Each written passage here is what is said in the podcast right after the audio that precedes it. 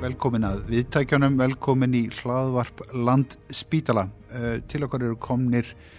tveir gestir, það er að segja við sitjum hérna ég og Ásvaldur Kristjánsson, ég er Stefán Haglin, báði frá Samskiptadeild. Og til okkar eru komnir tveir gestir,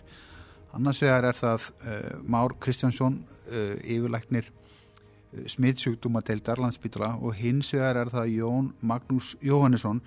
Uh, Jón Magnús ætlar að vera gestastjórnandi hjá okkur í dag. Við ætlum sem sagt að taka núna upp fyrsta hlaðvarpið á nokkrum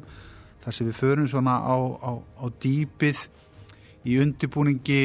viðbræði og starfsemi landsbítala í kringum COVID-19 faraldurinn. Jón Magnús uh, byrjum aðeins að setja smáeis bakgrunn á ykkur tvo svona, svona já, stilla upp smá sviðismynd hver ertu Jón Magnús?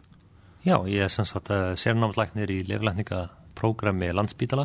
sem er á vegum Royal College of Physicians. Um, ég er sem sagt á öðru árið þar og hef líka bara almennan áhuga á smitsutum og uh, bara veirum almennt. Um, ég er núna í auknablíkunni starfsmæður á COVID-19 teiminu á landsbítalanum og er að vinna annars vegar, hefur að vinna á gangudeildinni á COVID-19 í Birkeborg og sen hefur verið að vinna á legudeildum líka á landsbítalanum sem er fyrir COVID-19 sjúklinga svo að hefa aðeins líka reynsla klíninginni þar. Svo við forveitnumstu aðeins lengra, hvað, hvað bakgrunn hefur þú? Hvaðan ertu? Ég er sem sagt uh, fættur upp alveg í Reykjavík að mestu, mm. en bjó í bandaríkunum í tókan tíma þegar fólkdra mínir uh, voru í námið þar, pappi mín er læknir og maður mín er lagfræðingur, en núna doktor í uppbyldismentunafræðin, mm. um, uh, mentaði mig í mennskólan Reykjavík og síðan fór í læknisfræðin í Háskóli Íslands og útskrifaðist þaðan síðan 2017. Mm og lauk síðan kandidats uh, árunum mínu 2018. Láðu þetta nokkuð beint við að fara í lækningsvæðina? Að mestu leiti, ég ætla í dýralækningar en svo bara tók sæjan aðeins yfir á menn mm. það breytist aðeins þannig Á, Mjög gott. Aðeins yfir til þín Hva, hver er þinn bakgrunur? Segð okkur aðeins svona, já Já, mentun og fyrir störf Já, ég er semst fættur reykvíkingur og, og hérna um, kláraði stúdenspróf í, í hérna mennskólum við Tjörn 1977 og fór síðan um höstið í læknadeildina og, og lög prófið þar 1984 uh, þetta valdi eitt vetur uh, undir verðarvæng Margreta Guðnardóttur professors um, og var að vinna að vísindaverkefnum og kynna mér veru rannsóknir og allt sem að, að þeim lítur Síðan fór ég, skal ég segja þér, á kandidatsár á fáskursfjörð og var þar í tvö ár og, og, og allt í búinu að þá fór ég eftir að hafa lótið hefðbundu kandidatsárið og þá, þá hérna fór ég til bandrækjana og lærði lífleikningar, almenna lífleikningar í, á stað sem heitir New Britain General Hospital og er hluti af University of Connecticut. Og allt í búinu fór ég síðan til Boston og, og var þar í smittsútumalækningum í þrjú ár á Boston University Medical Center og uh,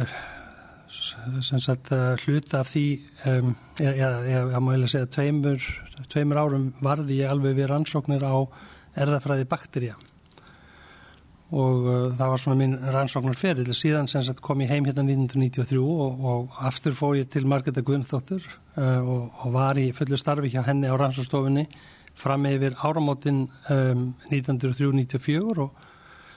þegar ég réði mig sem sérfræðingur í smíðsjóttum til eh, borgarspítalan sem þá hétt. Síðan sem satt eh, höguðu atvikið í þannig að, að ég var um, eftir saminningu borgarspítala og landakóts. Þá var ég kosin formaður starfsmannaráðs uh, eins og saminnaða spítala og, og það var svona kannski leiðin mín inn í, inn í stjórnendabyggsið. Um, ég var í, í stjórns spítalans þá sem fyrir starfsmanna altså sjúkur og Reykjavíkur og síðan var náttúrulega saminning ríkispítalana og sjúkur og Reykjavíkur og, og, eh, og áfram var ég fulltrúi starfsmanna í þeirri stjórn og var í því uh, nokkuð mörg ári, ég man ekki nákvæmlega sex ári eitthvað svo leiðis, en á þeim tíma þá jóks uh, eða óks mjög hérna uh, áhíminn á administrasjón sem að varði eiginlega til þess að ég fór í MBA-nám í Háskóla Íslands 2004-2006 og um, síðan einhvern tíma held ég að það verið 2007 6 eða 7 þá, þá var ég sem sagt um, sviðstjóri Slís og Bráðarsviðs sem er hér þá. Og gengdi því starfi um, alveg bara til 2009 held ég meiri 9-10 og, og, og, og hvarfa aftur til starfa sem yfirleikni smittsjúkdómalækninga en ég hef verið sem sagt um, var, var, varði yfirleiknir smittsjúkdómalækninga á sjúkrosreikjókur eftir að Haraldur Brím hvarf frá störfum til þess að verða sótarnalæknir og, og ég hef sem sagt verið þá yfirleiknir smittsjúkdóma frá því að kom tilbaka og alveg til þessa dags. Reyndar með því fráviki að ég fór uh, um tveikja ára skeið um, í leifi og, og starfaði sem smittsjúkdómalæknir á háskóla sjúkrósi, uh, svona tilvísunum sjúkrósi í, í hérna í Sáti Arabíu og uh, var þar að, að, að sinna fólki með margvísleg vandamál sem að tengjast ónæmisbælingu, lífæraflutningum og þess að þar. Mm. Þannig að og síðan hef ég verið frá því, eða eiginlega margra ára hef ég verið uh, formaði fyrir farsvotanemnd Spítalans sem að má eiginlega segja að hafi orðið til svona með formlegum hætti sko í, í núverandi mynd um, í aðdraðanda uh, svínaflensunar sem að var og hétt og geysaði mitt hérna árið 2009 og um, og síðan þá uh, eða sem sagt lærdóminin úr þeirri, þeirri hérna já þeim heimsfaraldri má ég lega segja að hafi lagt grunninn að, að sko farsóttar nefnd og því fyrirkomulegi viðbrags uh, uh, sem er í gildi en þann dag í dag hvað var þar farsóttir og síðan viðbrags stjórn Þetta er nokkuð, nokkuð, nokkuð langur og góður sprettur sem hóst þarna kannski þegar þú fóst frá fólkskursfyrði yfir til Boston. Já, það mæli segja það vegna þess að sko, ég var alltaf sagt að þegar ég er að ræða við, við kannski yngri kollega að sko fólkskursfyrði var þarna þessum árum um, eitthvað 12-13 manna hér að og það var svona H1 stað það, það þýtti það að var einn sagt starfandi læknir og að koma þarna bynt úr, úr sem sagt læknadild með mjög takmarkaða, enga reynslu náttúrulega en, og takmarkaða þekkingu að, að, þannig að, ég hef alltaf litið mjög hlýju auga til fólksfjörðar sem svona eins af mínum mikilvægustu mentunar skrefum. Já, svona mikil mótun sem hefur átt sér það stað. Algjörlega og, og gríðarlega bara áhagverta vinnar og dásand fólk og, og, og mikil fjölbreytileiki í sjúkdómum þótt að hér hefði hafið ekki verið starrað þetta. Hefur ekki að aðfenda stjórntöfumana yfir til hins, hins unga læknis sem, sem situr hérna á móti mér, Jón Magnús, hefur ekki að, hefur ekki að henda okkur í, í þær spurningar sem þú hefði kannski undirbúið og séð fyrir þér? Endilega, endilega. Um, þá í rauninni það sem við ætlum kannski bara að byrja á að svona reyna að svona búa til ramma myndi utanum viðbráðs áætlun landsbytalan sem myndi tengslu COVID-19 en svo sem það er gott kannski að byrja á einhverjum grunni Við erum nú í miðjum heimsfaraldri COVID-19 sem er út af koronaveiru sem að kallast SARS-CoV-2 um, og þetta er fyrsti heimsfaraldri sem við þekkjum til sem er vegna koronaveiru. Um, hefur þú, Már, einhverja svona góða samantækt yfir hvað svona,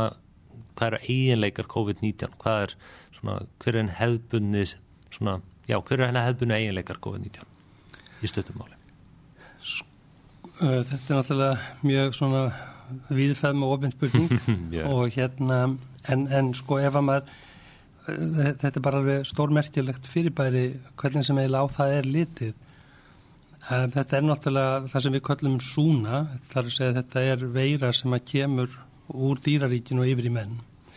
Ég held að það sé alveg ljóst og, og, og hérna og, fyrri faraldrar um, koronaveiru þó þeir hafi ekki verið eins uh, viðfæðmir og þessi að þá þá, þá er þetta í raunni svona grunnstefið að þetta eru súnur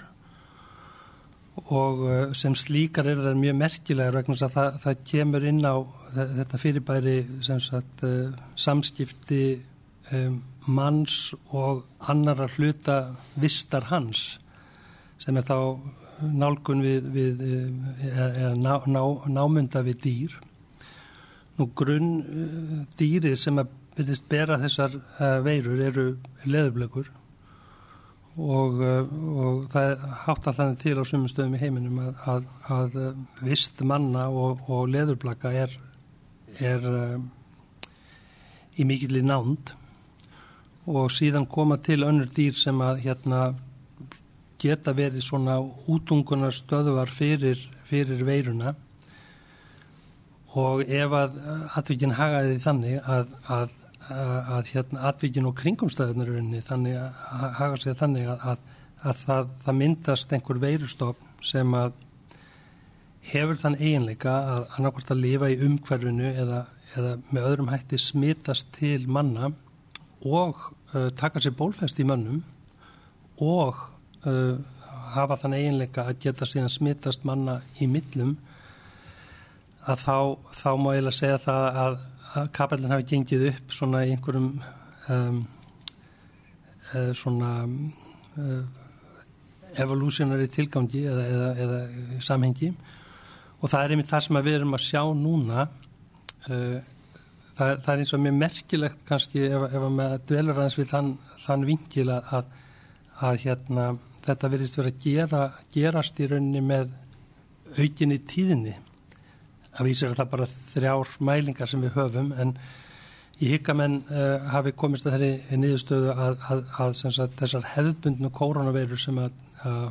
hafa herjað mann, menn sagt, fram að þeim tíma sem að SARS kom upp að þær hafi kannski komið yfir í mann um, um 1890, kannski einn þeirra allavega og, og þannig að þetta er um, sko, þetta er náttúrulega kannski þá þriðji skráði heimsfaraldurinn en það kann að vera að svona svona erfðafræði rannsóknir á uh, hérna, þessum veirum geti sko svona spáð fyrir um það með einhverju vissu hvort það hafi verið aðrir heimsfaraldrar áður. En það er nú svona spekulatíft En hvað var þar, sko, hvað er svo sérstatt við þennan að öðru leiti að það er náttúrulega uh, sko, þessi, þessi klíniska byrtingamind sem er í rauninni enþá í, í, í svona í framþróun uh, þekkingarlega séð um, hvað eru margir sem að taka veiruna og, og smitast ekki? Hvað eru margir sem að taka veiruna og smitast lítið uh, og, og, og svo framvegis? Að þetta er allt saman svona tölur sem eru svolítið á, á, á reiki sérstaklega hvað var það, sko, hvað, er, hvað er í rauninni stór partur af þýðinu sem er, eh, hefur sannlega fengið í sig smittefni en ekki bröðist við því með neinum hætti nema kannski að mynda mótefni mm. en, en svo það sem er talað umtaldi í þessum samengi er það að það er sagt að, að 80% af þeim sem að, sem að taka veikina veikist mjög lítið og þetta sé bara svona ómerkilegt. Eh, svo séu kannski 20% eh, sem að sem að hérna veikjast hastarlegar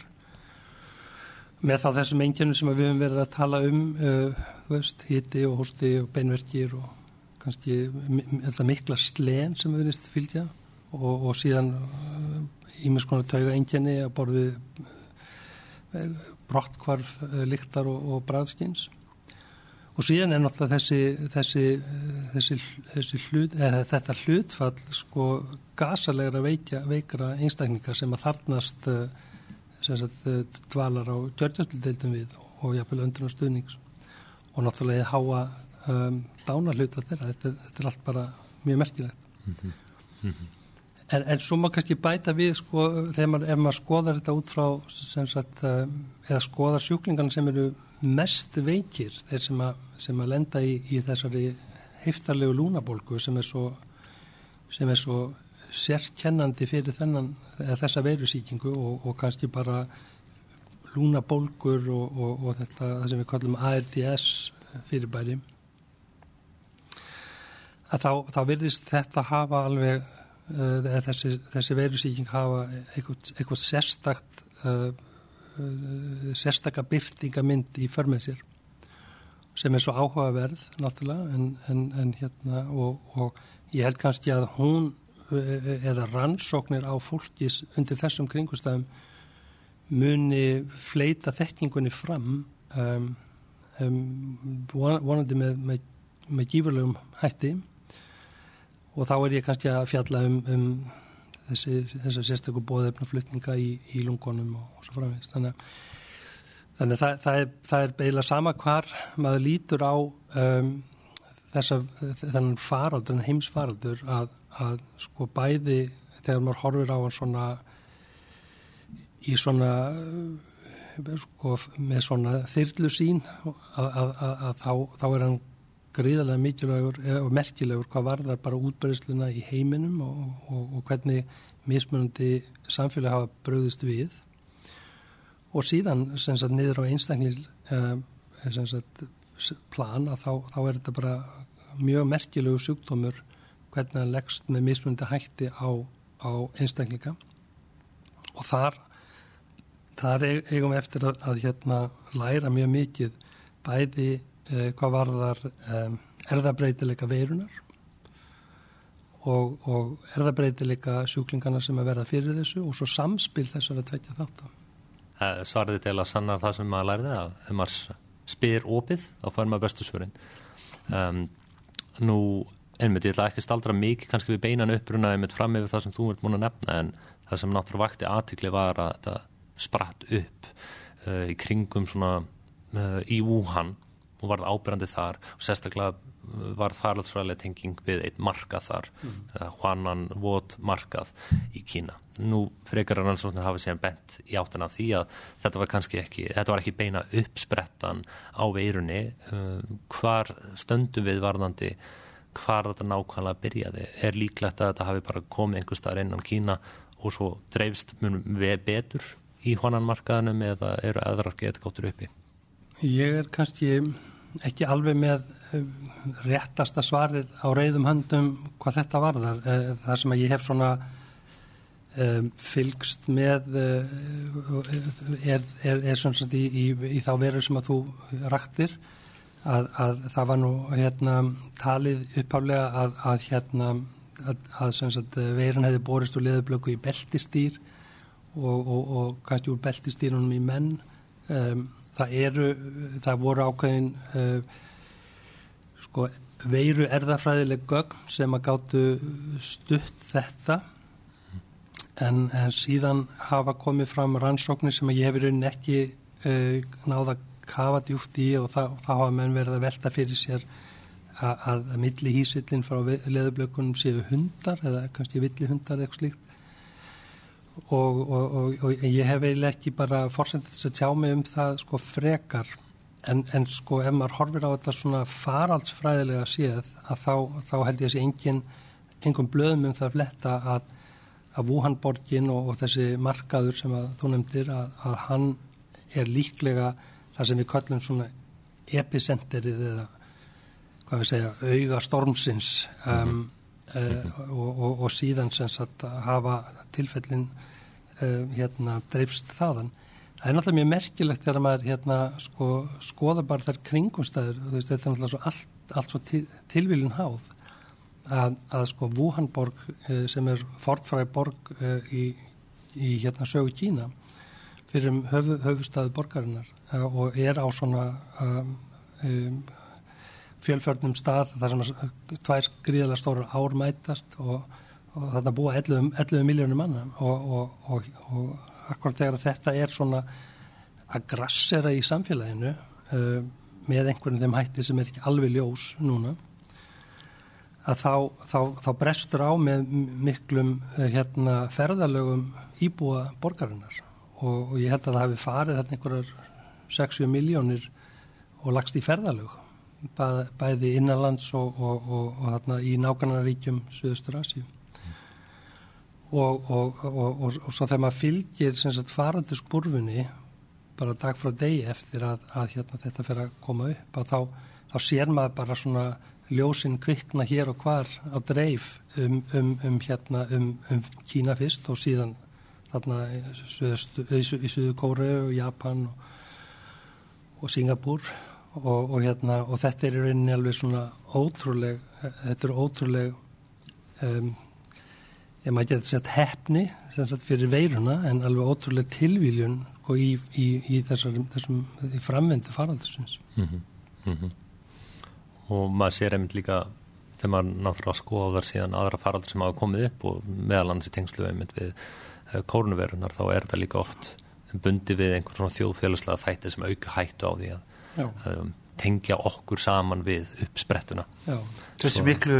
ferðalög, voru þau tengt hátíð í stöðum? Já, já, þetta tengdist sem sagt þarna... Mikið farandverkamenn hérna, eða ekki? Já, já, já það, þetta er eiginlega kannski aðeins floknar en það, sko, þetta, fyrst eins og þú segist, Stefán, þá, þá tengdist þetta sem sagt uh, áramótum þeirra já. upp af ársrottunar held ég sé, sé í ganginu mm. þannig að það, það er eitt bara sem að almúin í Kína bara ferðast síðan eru mjög margir uh, farandverkamenn uh, sem að voru sem sagt voru heima og fóru síðan að heiman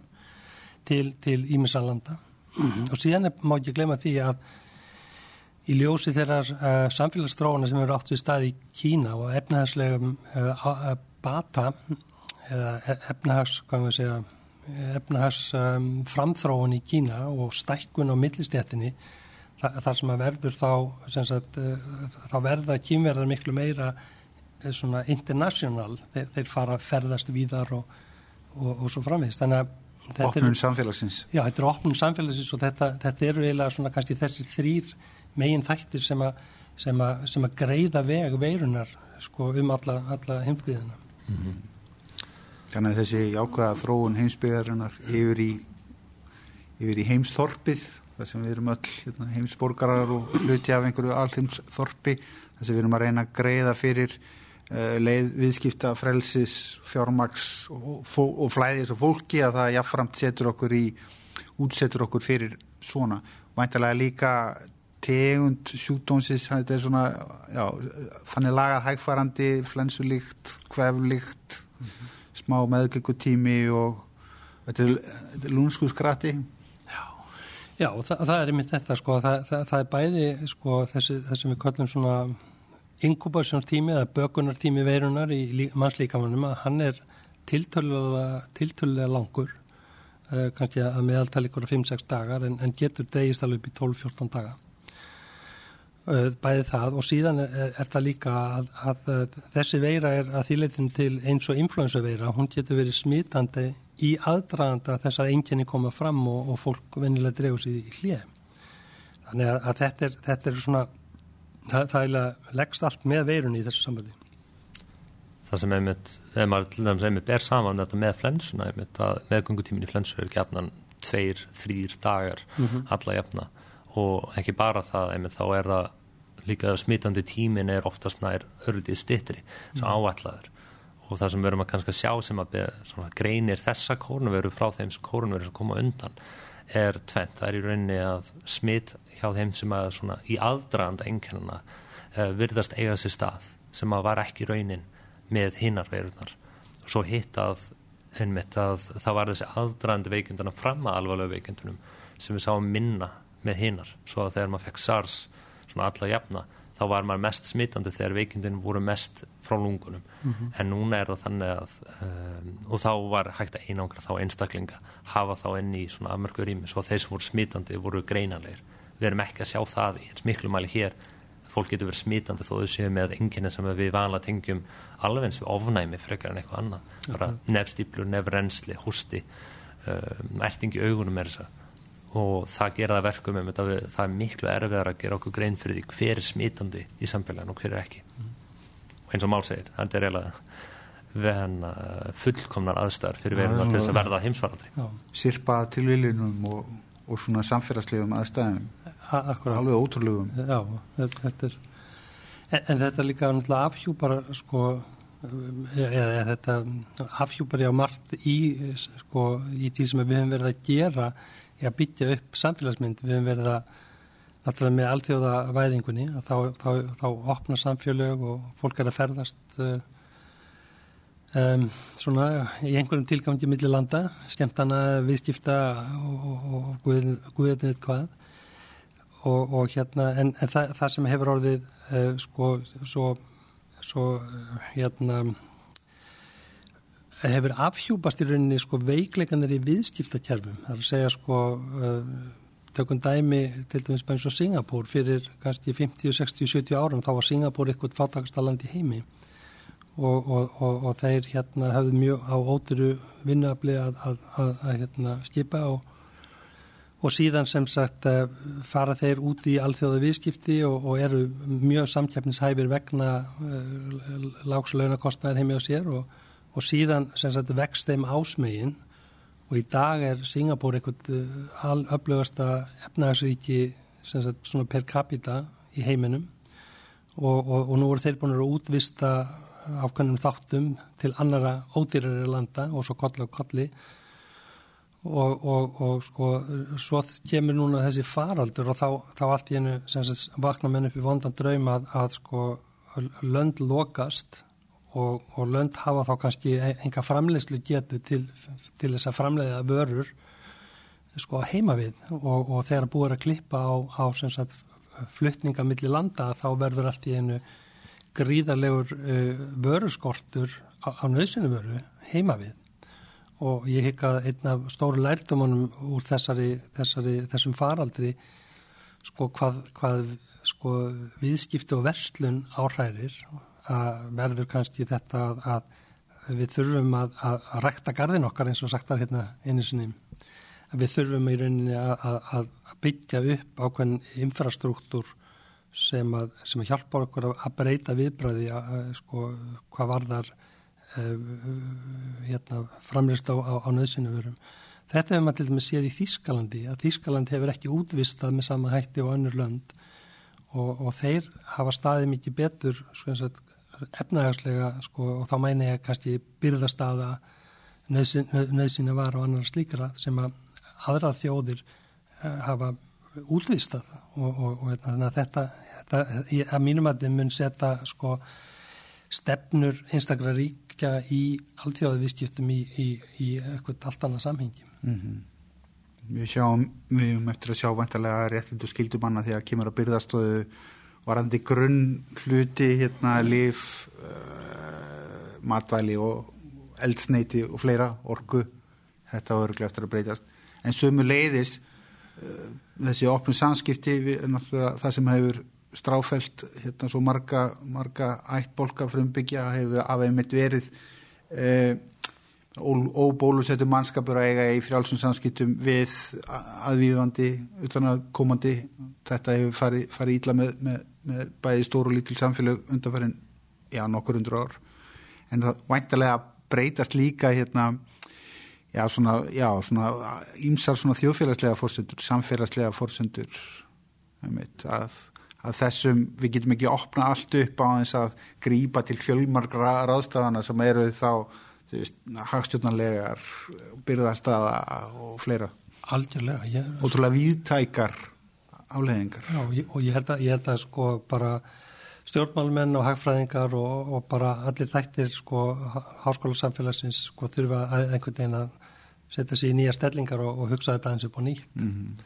og þetta snýst sko á, á, þegar öll er á botningu alltaf snýst þetta svolítið um sko getu hvers samfélags til þess að standa vörð um, um samfélagið sitt mm -hmm. um þegnana og, og sjá þeim fyrir sem sagt nöðsynlegum uh, björgum og hérna þú veist mat, matvælum og öðru slíku sem er bara og lífjum náttúrulega. Og það, þetta er bara þetta, eru, þetta er mjög skemmtilega áttagafræði Þetta þurfi nú ekki endilega að þýða hérna, að því að menn hafa nú aðeins haft áhugjur af, af aukin einangurna hyggju og öðru slíku í kringum þetta að því að það nú kannski ekki verið að horfa til þess að menn komi sér upp gríðarlega öflugum framleyslu í öllum löndum til þess að geta framleitt allan allan, allan, allan, allan mögulega hluti heldur svona já, byrðastagan, inventory, lagarar, líðhilsa almannatryggingakerfi Já, já mm -hmm. Ég held að þessi faraldur verður kannski ekkit endilega til þess að segja að nattvæðing og áhrif þeirra sé slæm heldur meira bara grundvalla að við þurfum að huga að hvernig við stöndum að okkur ef að einhver, einmitt einhver krísi eins og þetta bjátar á þá verður við að vera undirbúin að sama skapi en ekki eins og þannig að við einangrum okkur í staðin því að það náttúrulega á hinbóin getur verulega takmarkað viðbráðsget okkar þegar svona krísa verður. Ah, Því að þetta er sama tíma þá hefur samvinna ríkja í þessari krísu verið ótrúlega mikilvæg Já. til að geta bröðist við. Bara upplýsingamöðlun ein og sér er ótrúleg. Algjörlega og ég, ég held að hérna, þetta, er, þetta er bara sko, ég held að maður vilja ekki hvetja til einogunarstefnu og, og ég held að en, maður, maður það bara einhvern veginn að sko þetta er áhættum að um, ríkja sem sagt uh, hversu góð eru samskiptin við, við, við þína sem sagt uh, við þín sammennuríki og um, Uh, sko, hversu áræðanlega eru þau og stjórnvöld, ég meina við sjáum það að, að stjórnvöld getur breyst sko í líðræðs samfélögum þannig að, að hérna til dæmis eins og bara svo stefnubreytin sem er orðið í bandaríkjónum með, með á tímum Trumps uh, e, það, það er svona veriðist benda allt saman til þess að, að hann vilja hafa landi lokaðra. Og það er liður í því að hérna, make America great að setja til mjög vegg og annars líkt en En ef við horfum í, í sögulegu samhengi þá var, sko, voru bandaríkinn til dæmis mjög einangur hérna fyrir, já, einlega, sko, bara allt fram að, að, að fyrir heimstyrjöld, eða, kannski svona heim, fyrir, fyrir heimstyrjöldin segi ég og, og síðan opnaðist að talsveit eftir það og enn en meira eftir setni heimstyrjöldina og það hefur verið mesta blómaskeið í, í sögu bandaríkjana. Þannig að, að bæði hvað var það viðskipti og frelsi einstaklingana og þannig að Ég held að þetta sé svona, þetta er bara áhaverða pælingar, ég svo, Já, hef ekki vita á þessu. Samma tíma er sniðut að setja bak veira að, við hefum verið með, með gríðarlega mikilvæga og, og, og, og góða bandamenn í bæði kýmverjum, í Japanum núna síðast. Algjörlega. Þannig að þú veist, þetta, við hefum verið í fínum samskiptu við alls konar ríki sem eru á ólíkum stöðum í líðræði og fleira snertir, sko. Alveg. Þannig að, að, að mikilvægi í ákvæðra allþjóða samskipta, er náttúrulega kannski hefur verið jafnvel framar því að hérna, já, mörgur já. Mm -hmm. en þetta er nú svona kannski hagstjónanlega pælingar sem að, já, sem að hérna, við höfum ekki kannski beinlega svita á en um, þetta verður mjög fróðlegur svona stöppallur einmitt fyrir já. slíka pælingar og náttúrulega við verðum að hugsa núna, frega, núna meira nokkuð senni fyrir einmitt hvað gerum við næst því það er eitthvað líka latrið og það er svona það sem að viðbröðu núna hafa meðal hann snúi staðir ekki bara að bregast við krísunni núna heldur að hafa regluverk til þess að grýpa til bæði þessum faraldri setna meir og næst og næst. Við komum uh, svona til þess að stinga aðeins inn í að því við vorum að velta fyrir okkur byrðahaldi að við náttúrulega búum að á landspítala og Íslandi mjög góðum verkvörlum og áhættumati og öðru slíku frá SARS en kannski láðist okkur á sama tíma að gæta þess að verkvörlar og fleira varandi byrðastöðu lif, fatnaður og ímisbúnaður voru við, voru við ekki alveg á tánum þar eða er þetta bara alveg fordæma löst og því erfitt að sjá þetta? Já, þetta er svona, sko, þetta er vola eh, erfitt að fulla um þetta, sko, en ég held, sko, að það, það eru, það eru sannarlega uh, um, tilefni til úrbóta uh, hvað þetta varðar, svona sem, sem einn af lærdámspunktunum uh, ef, ef við hverfum aðeins baka aftur til SARS og HAPL, eða sem við kallum HAPL hérna að, á þeim tímapunkti að þá lagði sóttarnarleiknir Haraldur Brím mjög miklu áherslu á, á, á innkaup. Og það, það laud bæði að, að byrðum á, á varnarbúnaði grímum, glerögum uh, og, og, og hérna uh, hérna sundum eða hvað, heitir þetta nú, gáns um, við komum þetta hlýðarbúnaði öðrum og uh, alveg frá þeim tíma þá hefur verið reygin uh, svo kallar lagar sóttvarnalæknis sem að, sem að hefur, er gríðalega stór og er, er bara í, í, í, í hérna, stemmu hér í Reykjavík með ærnum tilkostnaði.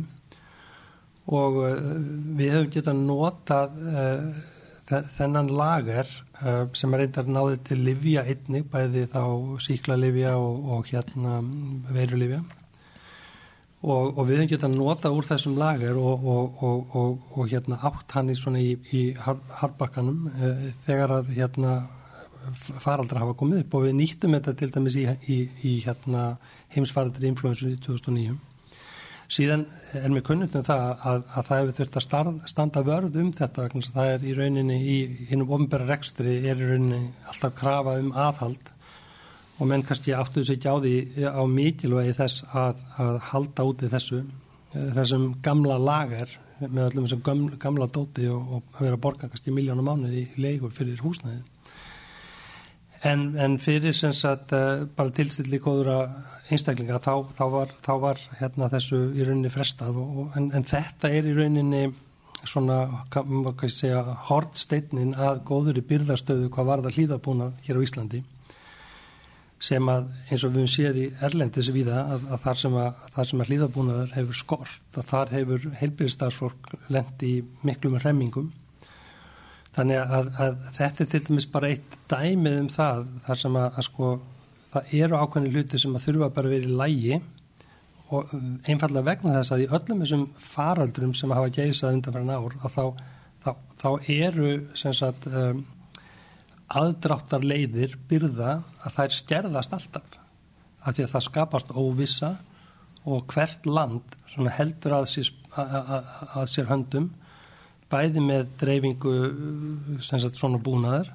og, og þetta nær til, til Lífja. Og, og þetta kemur líka inn á annað sem hefur verið mjög ríkt í stefnu margra, eh, margra fyrirtækja og, og samfélaga og það er þetta sem hefur kent við lín og lín byggir mjög mikið á, á sagt uh, flæði vöru og þjónustu uh, þannig að, að, að allir er að reyna að, að hámarka eða ég heit ekki að segja að það eru allir að lámarka í rauninni byrðastöðu og vera bara með sagt, nægilega mikið fyrir til dæmis, við getum bara tekið eins og insulín, ég held að, ég held að byrðirnar í landinu fyrir insulín séu kannski þrýri dagar. Sagt, það er í rauninni þessi, þessi hlaupandi lager sem að þýðir það að, ef að landi lokast niður að þá eigum við byrðir í þrjá, þrjá sólurringa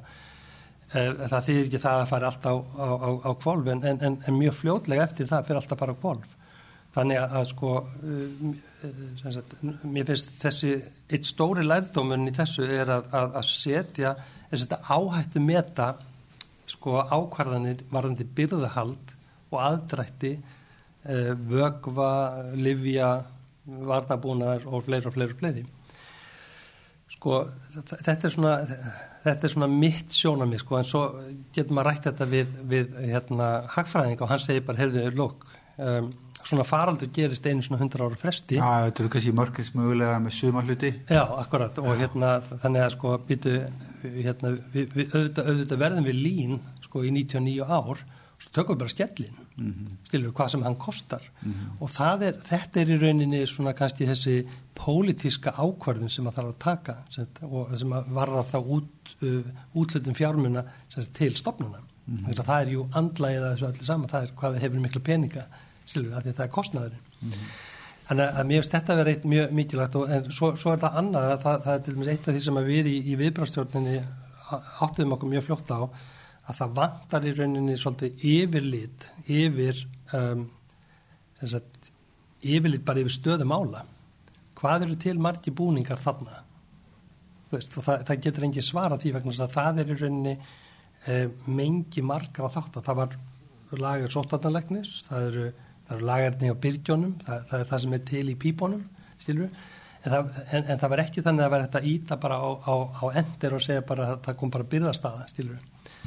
Og þetta er, eh, held ég mér mikilvægt líka að, að higgja að þessu að, að, að hérna, með, með rekstarveru í, í svona stóru kerfi eins og heilbíðiskerfi er að við þurfum einhvern veginn að hafa eh, svolítið góðan púls á því er, hvernig er staðan. Já, við erum nú einmitt, mörg ár síðan við innleitum eitt fjárhás manninskerfi einmitt fyrirhið ópera. Þannig að þú gætir haft yfir, sín, yfir mannskapin og fjárhægin hjá öllum stofnunum hins og byrja einmitt með því að ít og taka Akkurat. þannig að þá ertu vantilega að segja við þyrtum að, að, að leiða hugana því að koma okkur upp einhverju svipuvarandi byrðarhald á, á, á veru já. fyrir samfélagið og stækka þetta félagslega örugisnett Já, sko það var ágætt skrein félagslega hilbriðs já. já, það var ágætt skrein eftir Ólaf Stefinsen hérna, henni frangatstjóri félagsætunreikanda Eh, þar sem hann var einmitt að, að, að, að mæra í rauninni sko hlut uh, privatsektorsins í, í, í innflutningi sko þessari rekstarvöru og, og ég get alveg tekið undir með honum að, að þeir hafa staðið sér mjög vel í rettingunum í rettingunum og, og hérna og, þeir hafa þá allavega þessa líflínur út í fyrirtækin Erlendis og hafa við, viðskiptasamband sem eru okkur mjög dýrmætt þannig að ég veit ekki sko af því að þetta er sko hérna maður tala um að hafa eitthvað svona ofinbert uh, byrðahald skilur en það, það er ekki víst að það myndi vera lögulegt eða heppilegt eða, eða ég veit ekki kannski ekki, ekki endilega víst að, að prívatsektorinn myndi vilja vera svo opinn sko. Ég veit ekki en, en, en, en þarna þurfti þá lögjafin að koma inn í með einhverjum hætti og uh, sko þegar það kemur að, að svona lífsnöðsynlegum þáttum og, og, og, og lífsnöðsynlegu viðbræði samfélagsins á, á, á, á svona tímum. En þá hefur verið gaggrínt bæði hér heima og við Erlendis að, að fjöldi retningarna séu svolítið til margsum hversu, hversu kannski ekki lélega eða hversu, hversu viðkvæm heilbríðskerfið við komum til landa eru að það þurfi að treysta á að, að maður fari undir mannan annan og, og, og, og taki þátt í að græja undir um vélar og búnað og lif frá Japan og Kína Algjörlega og þetta er svolítið þessi íslenska lið. Það er svona bara einhvern fljúar svo bara í hjarta yfir já. en mér er allt stórkoslegt ég þessi allar þessar rettingar hafa verið stórkostlar og eru vel metnar en það er kannski verið að horfa á þetta út frá svona, já, í samfélagslegu tilliti hversu mikið við getum leift okkur að, að vera upp á þetta komin Já, ég, og það, það er í rauninni kannski svona þetta, þessi samfélagslega umræði sem þarf svolítið að verða um það sko, hvernig, hvernig viljum við hafa þetta sístem sko. mm. og, og hérna já, en, en sko svo er náttúrulega þessi kraftur í okkar samfélagi, það er í rauninni þessi kraftur að að bregðast við sem að, þannig að kostirnur okkar geta verið ókostirnir. Við erum náttúrulega svo lítið í samfélagi að dögur að halda blamannafundi einu sinna dag og all þjóðin séða bara 250.000 mann sitja bara við skjáin og akkurat, akkurat. Hef, við erum kannski aftur komin yfir í mm. hagstjóðina eða bakka aftur inn á spítalan hvað segir um það? Þetta er bara mjög vel uh, þetta er náttúrulega mjög áhugur umræði samt sem áður ég held að öll lönd séu í nafla skoðu núna einmitt um akkurat þetta, hversu viðbúin voru við og hvað getur við gert þess að vera meira viðbúin næst Já. og þetta er í rauninni fullkomið tækifæri til að skoða hvernig stjórnsíslan er mm -hmm. einmitt í þessum rekstri og hvað við getum gert þá til að eh, svona balansera, jafna út svolítið sjóna með einmitt undirbúningsins og sjóna með rekstusins þar á milli. Já og ég menna áhættum að gengur út á að taka líka ákvarðanur um það hversu að við ætlum að vera ákveð við hvað með að við ætlum að vera mm -hmm en þetta er með opnar í rauninni líka bara vel inn á hlutverk og eftirlits svona getu farsóttanemndar einmitt í þessum aðstæðum. Farsóttanemnd einmitt eins og nefnir kom svona stert inn eftir svína flensuna og átti náttúrulega mjög stórt hlutverk í ebólu faraldurinnum svona í undirbúningi mm -hmm. sem, sem betur fyrr, við þurftum ekki að grípa mikið til. Já, sko, farsóttanemnd er samsett úr af, af yfirleikni smítsútumalækninga yfirleikni síkingavarna og svo deildarstjóra síkingavarna og síðan höfðum við, höfum við uh, á sínu tíma höfðum við innlegnarstjóra landsbítala í, í því hlutverki. Og það var sagt, mjög mikil ágættis mannitja sem heitir Hildur Helgadóttir og hjúgrunarfræðingur og hefur uh, sérnmenta sig í hjúgrun sem að lítur að uh, mjög smitsjúkdumum já, einstaklingum sem eru veikir af smitsjúkdumum og hún hefur mikla reynslu í þessum, þessum efnum og, og við erum sem sagt ásamt, eh, sem við erum þessi fjögur einstaklingar sem að höfum, höfum fylgjumst með því sem er að gerast á, á sjóndeildarheinum og við hittumst bara svona af og til eftir behag svolítið. Nú við höfum tengingu sem að upphaflega var í, í gegnum frangværtstjóra lækninga og hjúkurnar uh, sem að var þá svona okkar liaison inn í frangværtstjórnina og tengiliði þar og ef, ef það þurfti að gera eitthvað þá, þá, var, þá, var, þá var það farvegurinn. Nú í, í byrjun þess að það breyttu við þar aðeins um og, og, og, og hérna höfum fengið um, frangatstjóra meðferðarsviðs, Guðlaug Rakel Guðjónsdóttur og sem hefur náttúrulega viðtakar einslu í sambandi við uh, aðkomi hennar að, að bráða þjónustunni og fleirum. Eh, eh, þannig að, að þetta er, má ég lega segja að þetta sé farsóttanemndin og hún var að funda heil mikið í janúar vegna þess að þetta var svona á, á, á söndöldarhengnum. Nú síðan er það þannig að, að í, í samkvæmt eh, viðbársáttun spítalans að þá er það þannig að þegar kemur farsóttu upp uh, þá, þá hérna uh, þarf að meta það hversu viðfæm hún er og hversu hættul hún er og við vorum í sambandi við sem sagt uh, forstjóra og, og náttúrulega frangandastjórn um, via Rakel. Síðan kemur það aða ef þegar að stefni í að um, um síðan að verða sagt, alheimsfaraldur að þá, þá virkjast þetta upp á það stig að við þá fáum þá sko aðkomu uh, framkvæmtastjórnar allarar og þá heitir þetta orðið viðbarað stjórn og, og þá er eiginlega hugsunin hérna að, að þú sért með samblöndu af fagfólki í fræðunum, ríkingavörnum, smittsjótumum og öllu sem að því lítur annars vegar og síðan ertu með óperasjónuna með þess að framkvæmdar aðilina. Þannig að, að, að þess, það mæli segja þá að undir þessum kringumstæðum þegar spítalinn fyrir þess að hættustegi eins og hann er búin að vera á hann lengi eða reyndar hann er komin á neyðarstig held ég að þetta heitir núna að, að þá, þá er það þannig að þá funda þessir aðilar daglega sjö dagavíkunar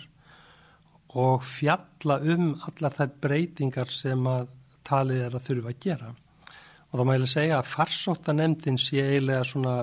mótorinn í því að búa til um, breytingar tillögur og síðan er það þá viðbara stjórnarinnar að, að fjalla um tillögur farsóttanemdar og, og sagt eiginlega galvanisera þær og koma þeim síðan í framkvæmt og það virkar þá stjórnkerfi spítalans sem, sem þá framkvæmdar aðilinn. Og, og, og þannig að, að þetta, við, nú erum við semst að ganga í gegnum eiginlega, hvað ég var að segja, þriðja uh, hvað er ég að segja, þriðja, uh, já, að maður segja þriðja faraldurinn þar að segja uh, svínaflensan og síðan kom þá hérna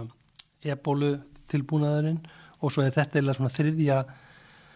æfingja, maður segja, ebóla hefur verið svona generalpröfa, en, en þetta er þá eða svona, já, þetta er eða svona desja vúsaldið meðan við sko svínaflensuna. Og, og, og þetta er að,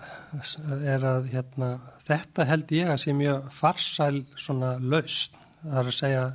sko sem maður horfir á, á stýringu sóttarna uh, í samfélaginu hild að þá, þá, þá er það alveg uh, það, það er mjög sem sagt uh, áberandi að það vantar alla pólitíkusa í framlínuna þar þar ertu bara með fagfólk undir gunnfána sóttarnalæknis og svo ertu með hérna, yfirlauruglu þjón almanna varnandildarinnar og, og þessir aðilar eru þá í rauninni með umboð frá sínum, frá sinni, frá sínum ráðuneytum til þess að gera það sem að þarf að gera. En auðvitað að hafðu samráði stílur, með stóra hluti.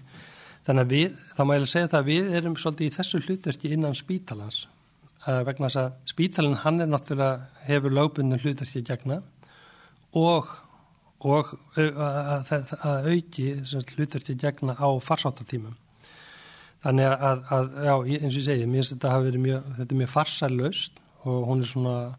hún er hérna áreinslu laus í rauninni. Það, það, er, það er mjög, mjög gott samspil. Mér finnst ég sem formaður uh, farsættanemndar leggja eitthvað til og, og það er bara heilbyrð umræða um það, sko, kosti og galla þess sem að verður að gera og, og síðan er, er nánast undatengulegst er það bara samþygt, þar að segja með einhverju svona snikki. Og, og, og, og þá er stjórnkjörfi mjög virkt í, í að, hérna, að hérna, framkama þessa hluti. Þannig að þetta er nú eiginlega svona stuttum áli sko, tilkoma og uppbygging og framkvæm. Reyting á stjórnmjöndum. Já, mm -hmm. Þannig að það, í raunin er það þannig að sko, við í farsáttanend við öðlum steginlega aukið, ég, ég, sko við höfum ekki formleg völd en við höfum þessi svona þetta óáþreimanlega vald sem að fælst í þekkingun okkar og erum í rauninni þannig mótað sagt, framkvæmdina á vegum sagt, eh, hins, hins eiginlega valds í spítalunum sem er náttúrulega fórstjóri en, en, en fórstjóri er bara mjög skinsamur og, og, og hefur sagt, já, unnið þetta með okkur þannig og, og er, er náttúrulega mjög uh, bara duglegur að, að, að reka mál mm -hmm. Nú, emmi, þetta er bara mjög góð útskýring á einmitt þessum grunn þáttum og þá svona velta maður fyrir sér einmitt að nefndi fundi einmitt þannig í janúar þannig að náttúrulega í desember þá fór koma einmitt report einmitt um einhverju fyrirvara lúnabólgu í Wuhan, Kína og mm -hmm. enginn vissi nákvæmlega hvað er í gangi og lengi vel var þetta 40, 50, 60 tilfelli og svona þetta sprakk þetta hvenar fór að bera eiginlega á svona einmitt óta um að þetta myndi hafa margtæk áhrif á Íslandi, hvenar fór það að huga að skiplagsbreytingum bara gróflega séð? Já, við, við byrjuðum alveg sko strax í janúar uh, sko, það, það er eiginlega þannig að sko um, Ólafur Guðljósson sem er yfirleiknir uh, ríkingavarna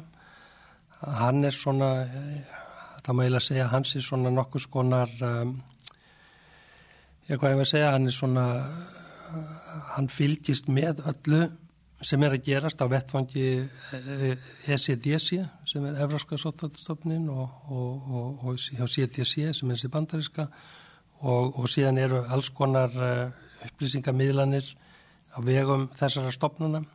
þar sem að verið að gera grein fyrir framvindu. Og það má ég að segja að Óli eh,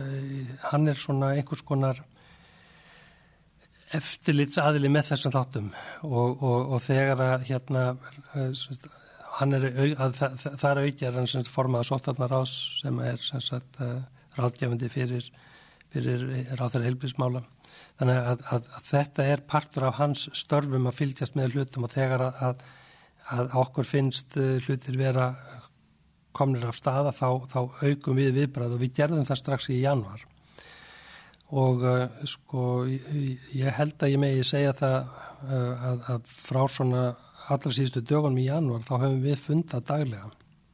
þess að það sem við kallum litla farsáttanemdin mm -hmm. og, og, og mjög fljótlega þá sagt, kom þarna inn í forstjóri sem, sem aðilega fundunum. Og við, við jökum þá í störfi með, með því að hafa fundarítara og uh, síðan uh, þá byrjaði þetta eiginlega svona undirbúningsstarf og, og, og síðan einhvern tímanu miðjan allavega ekki um miðjan februar þá, þá í raunni kom það virkjast eða viðbrastjórnin eða, eða, eða svona, það var svona að fara að gefa ádrátt með það að hún fær að virkjast og síðan eða virkjast hún alveg hann í aðranda þess að fyrsta tilfelli er greint hérna mm. og þá erum við í rauninni að, að, að búin að leggja svona nokkur neginn línu um það hvernig við ætlum að hafa þetta. En, en, en maður þurft alltaf að vera að breyta línunum sko í raunin á hverjum degi vegna þess að, að sko við vissum í rauninni eða við byggumst ekki við því að, að helstu vandamálinn sem að kæmu upp væru með þeim hætti sem að raun bar vittni og ég tek þá sem dæmi að eitt af fyrstu tilfellunum sem að kemur upp er er í rauninni uh, vistmaður á, á, á, á sambíli í, í, í, hérna, í Mósölbæ sem að hérna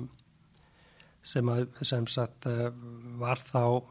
einstaklingur sem að hafiði ekki fullan skilning á alvarleika veikindana og, og, og, og þeim nöðsynlegur ástöðum sem þurft að grípa til og það verður heilmikil uh, hérna samskipti við uh, stjórnendur á þessu sambíli sem að, eh, sem að í rauninni var heilmikið flækjustíg. Þannig að, að þetta var til dæmis eitt þátturinn sem kom inn í störf okkar í farsvöldanemndin og viðbrastjórninni. Það var að, að eila, það var svolítið greina milli sem þeirra viðfársefna sem sannarlega voru viðfársefni spítalans eh, versus viðfársefna sem voru sannarlega samfélagsins og þá annara að leysa þau mál. En þar uh, að að nefndi nú þetta með sambílið að þá, þá, þá var þarna ákveðin sem sagt uh, já ég með langar að segja brotalum sko þarna var, var óljóst vegna þess að sambíli, hvað er sambíli? Sambíli er heimili fólk sem er fatlað og er í rauninni á forræði félagsstjónustunar en, en og þeir sem eiga sinna heilbriðistjónustunni þar er, er í rauninni helsugjæslan og, og, og, en þegar að koma að, að sagt, viðbúnaði við, við, við farsótt að þá leit hilsugjastlan ekki á það sem sitt hlutverk og félagsstjónustan hafði í rauninni ekki um, brugðist við með nægilega góðum hætti til þess að, að, að hafa eitthvað viðbræði eða viðbræðs áallin fyrir sín sambíli. Þannig að við lendum í nokkrum slíkum uppákomum og þetta voru allt saman hlutir sem að við höfum ekki tekið inn í okkar áallanir að við þýrstum að vera glíma við. En, en það segir manni bara það að, að sko þetta, þetta viðfánsefni er svo, svo síbreytilegt og maður þarf alltaf að vera tilbúin að taka við bara verkefnunum eins og þau byrtast. Mm -hmm, mm -hmm. Og einmitt þegar þið fóru á stað með þetta þá, einmitt þið byrjuðu þannig í svona í janúar að undirbúa grundvöldin uh, fyrir uh, næstu aðgerðanum. Hvað var það svona skipulaslega síðan sem að var erfaðast í framkvæmt bæði fyrir þá legodildinnar og síðan uh, göngudildina í undirbúningi? Ég hugsa að, að, að mesta áskorunin var í rauninni þetta að, að sko, hvernig ætlaði er að hlýðra til mannskap í, í þessu sagt, eins, og, eins og kannski er alkunna þá, þá, er, þá hefur það verið viðkvæðið að spítalinn sé með oflítið mannskap eh, og, og þegar maður horfið til dæmis bara á, á mönnunina á gjörgjastu dild að þá segir maður þetta, þetta maður má ekki knapp bara vera sko. Og, og þetta er bara miða við það að, að, að það nefnir að vera bara að hámarki sjö sjúklingar. Og þá segir mér hvernig óskapunum eigum við að, að hérna geta tekja á móti kannski 10, 12 eða 20 sjúklingum og við erum ekki með meiri mannskap en þetta uh, og síðan sem sagt þetta, þetta er þá alls um mönnunin á gjörðhjörnstildin í, í fósvægi og, og en, en sagt, það sem var að gerast í fyrstu skrefum faraldur sem var það að þetta var fólk sem var að koma frá skýðum ellendis frá og hverjir voru þetta? Jú, þetta voru um, ekki meir og minna en það var hérna stór hluti sem voru starfsmenn gjörgjastildildar sem voru að koma úr au, sko, auga stormsins þarna í, í Östuríki, Ískl og sem voru einmitt starfsmenn gjörgjastlunar. Þannig að, að sko á góðum degi átt að geta verið með sjö rúm á gjörgjastlunni í fórsvægi en það, nú var allt í hennu bara slangur að fólki komið í einangrun og hitt í sótkví. Þannig að, að þetta var gríðarlega áskorun. En það maður að segja á því að, að, að sko, gjörgjæsla er ekki, er ekki náma hluti af keðju uh, sem, sem er annar spítalinn og, þarna á þessum tímapunkti þegar við áttum okkur á þessu þá sagðum við, heyrðu, það þarf náttúrulega að stoppa aðgerðir. Við getum ekki verið með fullt aðgerðarprogram, við höfum enga gjörgjæslu og við þurfum að nota gjörgjæslinni eitthvað allt annað. Þannig að, að, að þetta var í rauninni svolítið, eh, þetta var í rauninni tilum þess að við lögðumst uh, harta á áraðnar að fá sem sagt uh, öllum, allir valstarfsemi hægt og, og það var svo sem kannski þurftengan Albert Einstein til að sjá það að þú þurftir að gera það og, en, og hún leið og að svo ákvörðinni tekin að það fríast upp ótrúlega mikið af starfsfólki sem hefur hæfileika til þess að, að vera á gjörgjastlum. En til þess að gera þetta, þá er þetta, þetta er orðið meira áttar mannauðsmál. Þannig að það þarf að, það þarf að involvera, sem sagt, eh, frangatstjóra hjúkurunar, það þarf að involvera frangatstjóra lækninga, eh, frangatstjóra mannauðsmála og þannig sér maður það að, að svona mál bara eins og það að horfa á mönnun einnar deildar verður allt í einu sko mjög víðfemt mál sem að, sem að lítur að eh, sko, ráðningarsambandi, réttindum, skildum og svo framvís og framvís og, og þetta var allt saman hluti sem við þurftum að fjalla um þarna á, þessum, þessum fyrstu, fyrstu dögum faraldursins hér vegna þess að við í rauninni höfðum enga aðra sviðsmynd heldur en það að þetta er bara mjög slæmt. Og, og hérna, við höfðum bara úr einhvern hvað 23 öndunavélum að móða og þennan mannskap og, og, og hérna, þessa kringustæður Þannig þetta var, nú, nú er ég bara svona að segja frá einu svona dæmi innan úr fósfórspítalum en, en sko stóra myndin var svo að við höfum ákveðið það að það væri skinsamlegra að hafa bara annan, annað húsið sem svona mengað hús uh, bæði vegna þess að við töldum, töldum okkur fullið sem um það að það væri mjög mikil áhætta fyrir uh, starfsfólk að það myndi veikjast Þannig ef, að, ef að við væri með þetta í báðum húsum og starfsfólk myndi veikast frá sjúklingunum í báðum húsum að þá myndi við lama starfsemina mjög fljótt. En með því að, að, reyna að halda þessu öllu öðrum megin að þá gætu við þá að miskurti óperiraði hitt sjúkrahúsið svona kannski skamlaust í einhver tíma. Þannig að þetta voru svona hugsanindan í byrjun. Þurfum við að í kjálfarið að endur hugsa þínum að húsnæðiskapalinn sem er fyrirsjáanlegur með sammenningu allra starfsemi í landsbítala inn við ringbraut það náttúrulega likur ekki fyrir hvað verður um, um fórsóin í þeim kapli kannski líklegt að að eitthvað, eitthvað fara á hreyfingu sömulegið sinna landakoti en, en já, teluru að það þurfi að Já, sko, ég, ég held að, hérna, að, að, að þessi farandur, alveg eins og við rættum hérna áður, að, að það er greiðlega mörg, mikið lærdómur af þessum og ég held að hérna, einn lærdómurinn er, er sá að það er ákveð, um, það er ákveðin tækifæri í því fólkin þegar svona kemur upp á að hafa sveianleika í húsnæði. Það, ég held að það sé alveg klárt. En þarftu sveianleika í húsnæði á þó innan, innan landsbítala Þorpsins í Ringbröð sko sem er mjög stór kampus mm -hmm. eða þarf þetta að vera landfræðilega landfræðilega aðskiljanlegra eða sett lengri burtu eða? Ég, ég er ekki vissum að, að, að það þurfi endilega að vera sko, svo mikið landfræðilega aðskipting Nei, helst, ja, þá fyrst og fremst aðskilin hús Já, það, og sko, það, og alltaf nýja húsi sem er í hönnun, mm -hmm. það, e, þar hafa menn sko aðeins gefið gauma þessari hólfun eða hólfunar möguleikum. Já, bara einbíli og fleira. Og bara einbíli og svolítið, þannig að það verður náttúrulega allt annað líf, en hins vegar sko, e, það er eitthvað sem ég held að við erum að dvelja aðeins við, er það að sko, e, sko húsin sem við höfum, eða það húsnæði sem við höfum úr að móða núna og það sem við erum að fara í, að, að sko það er kannski sjónamið sumra að það, ef að það, ef að nýja spítalinn verður það eina sem verður til að dreifa eins og í rauninni held, að, held ég að sé skilningu fjármáraðansins að það verði bara þessi nýja spítali sem er 210 rúm að það, það, það er sjónamið margra aðila að þetta sé oflítið og, og ef að það er rétt álíktun að þá er það spurningin með hvaða hætti nýtum við þá önnur húsnæði hvort að það er þá gamli landsbítalinn á ringbröð sem er gamla og nýja húsið þar eða hvort að við myndum vilja segja heyrðu, við þurfum að hafa minnstakosti landakoti eða borgarspítalan einnig eða, eða, kannski, eða kannski bara allt saman mm -hmm. þannig að, að hérna og ég hérna ég hef verið svo hérna svo farsall að fá að, að vinna með Bernditt Olgersinni og, og Gíðu Baldurs og, og fleiri aðilum að því að, að, að vera þáttakandi í þessari hugsun sagt, hvað, hvað gerist svo? Þar að segja þegar nýja spítalinn kemur hvað á að gera við allt uh, alla byggingarnar og það sem, sem við höfum úr að móða og, og það er bara mjög áhugaverð vinna sem að hérna, ég held að verði eh, bara sagt, uh, já, áhagvert að sjá hvernig framvindan verður en, en ég held að við þurfum um að taka lærdom úr þessu með í það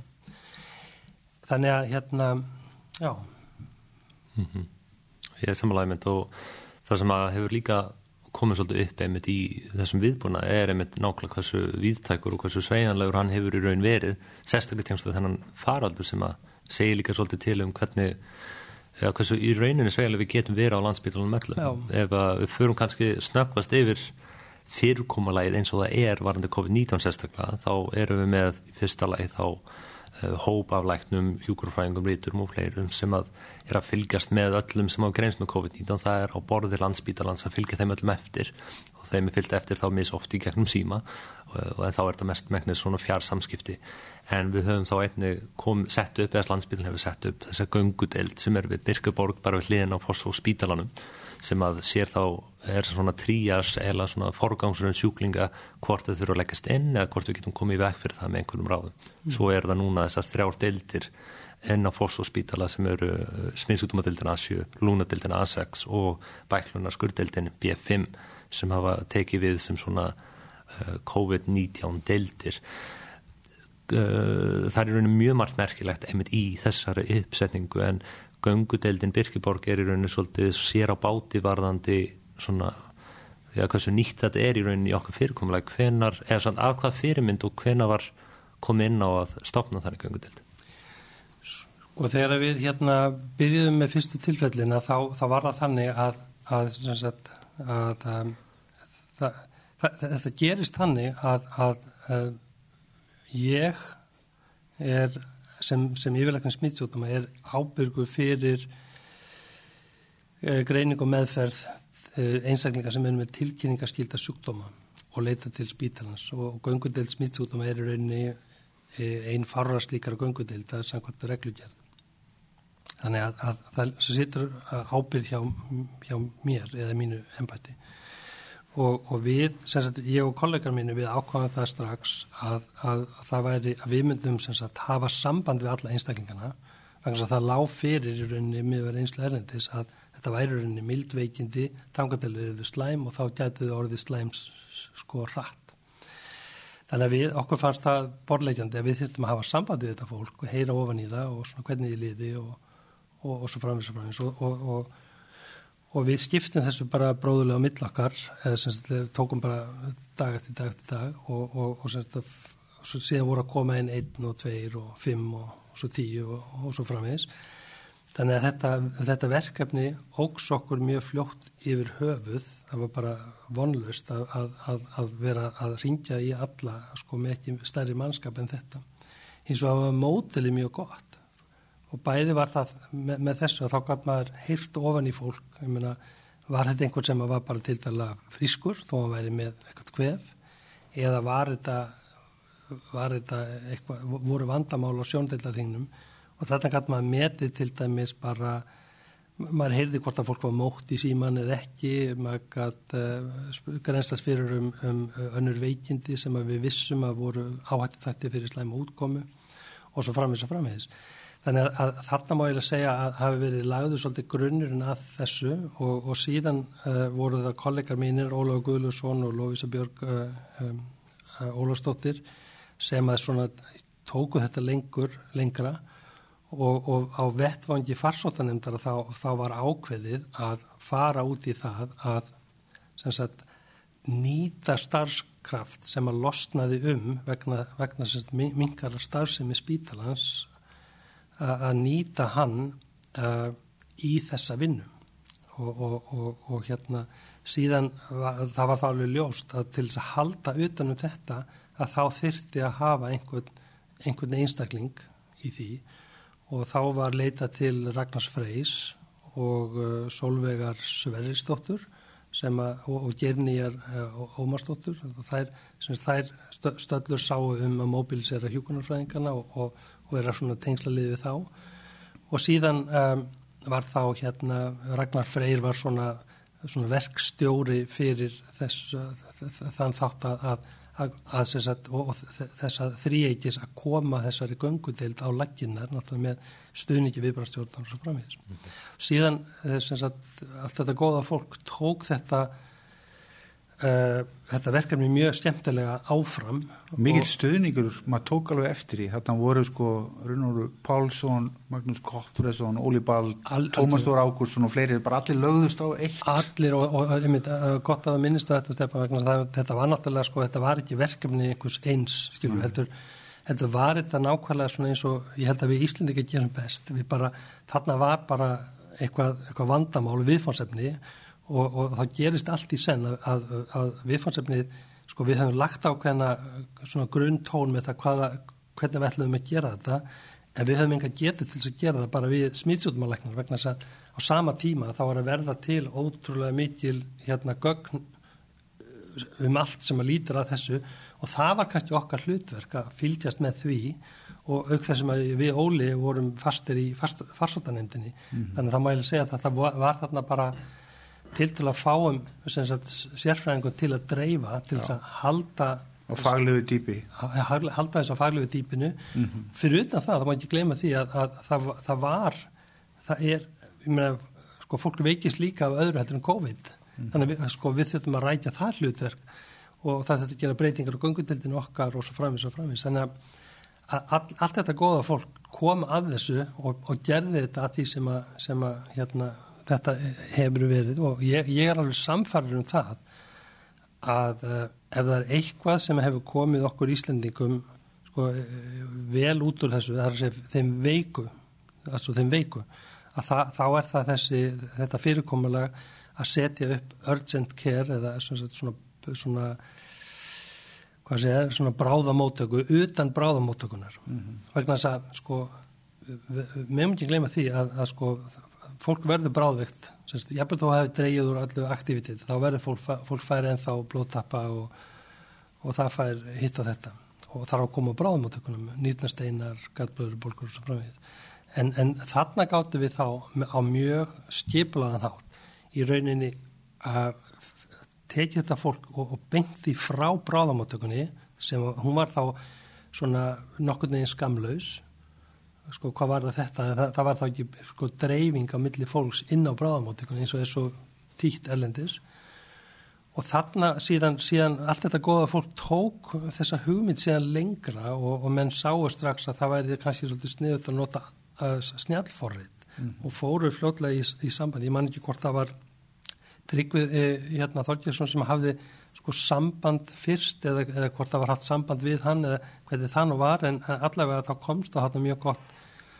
góð samvinna og, og, og, og Lovisa og hérna Ragnar og Óli Bald og allt þetta að góða fólk að það, það lagðist að áraðan um, um gerð þessa þessa snjálforriðs sem, að, sem sagt, hefur síðan verið mjög instrumental í það að áhættu greina fólk. Og, og þetta er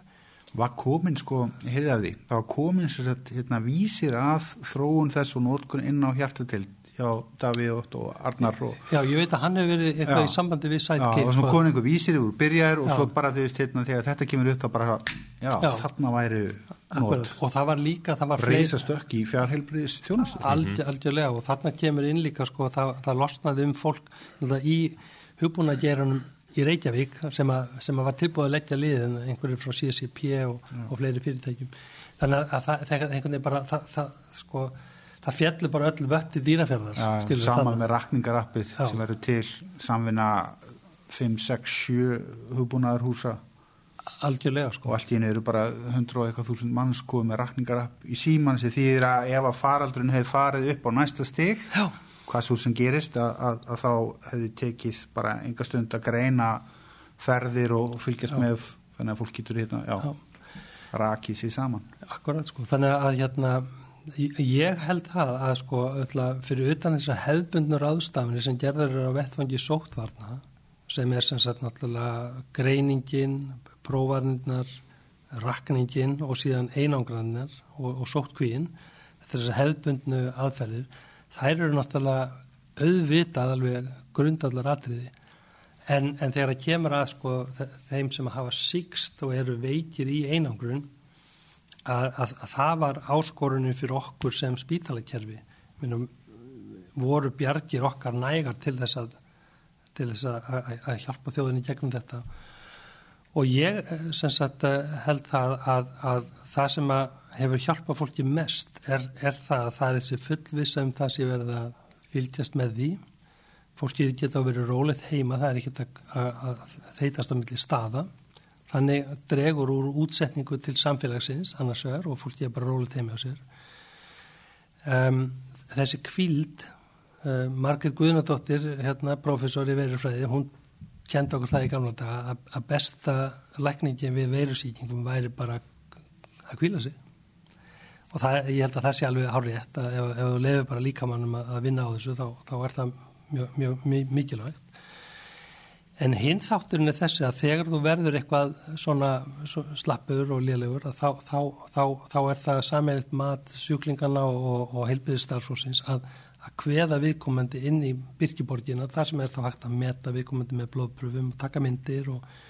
gera göngupróf og, og, og hvað fólk afmettast og svo fræðis, gefa því súrefni strax, gefa því vögva við á og hjálpa því gegnum svona smá hindranir í, á, á vegi veikindana og, og, og þannig held ég að, ég held að þessi tveir þættir, þetta er að kvíld sjúklingana og, og heimavera og fullvisa um, um það að, að það er verið að fylgjast með þeim og síðan snem í hlutun ég held að þetta séu sko uh, veigamestu þættirnir í því að, að hvað okkur eru gengið vel uh, með þessa veiku einstaklinga og hvað í rauninni til þess að gera fáir hafa þurft að leitjast inn og ennfæri á gjörgjastlu og, og, og, þá, og þá enn færri látist. Þannig að, að sko, e, já, ég er alveg sko sannfærður um það að, að af öllu því sem við höfum gert, þá er þetta kannski það mikilvægast.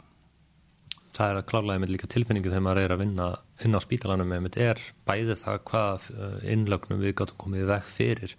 með gungutildinni en líka með það bara að við sjá, sáum þegar fólk var að verða veikara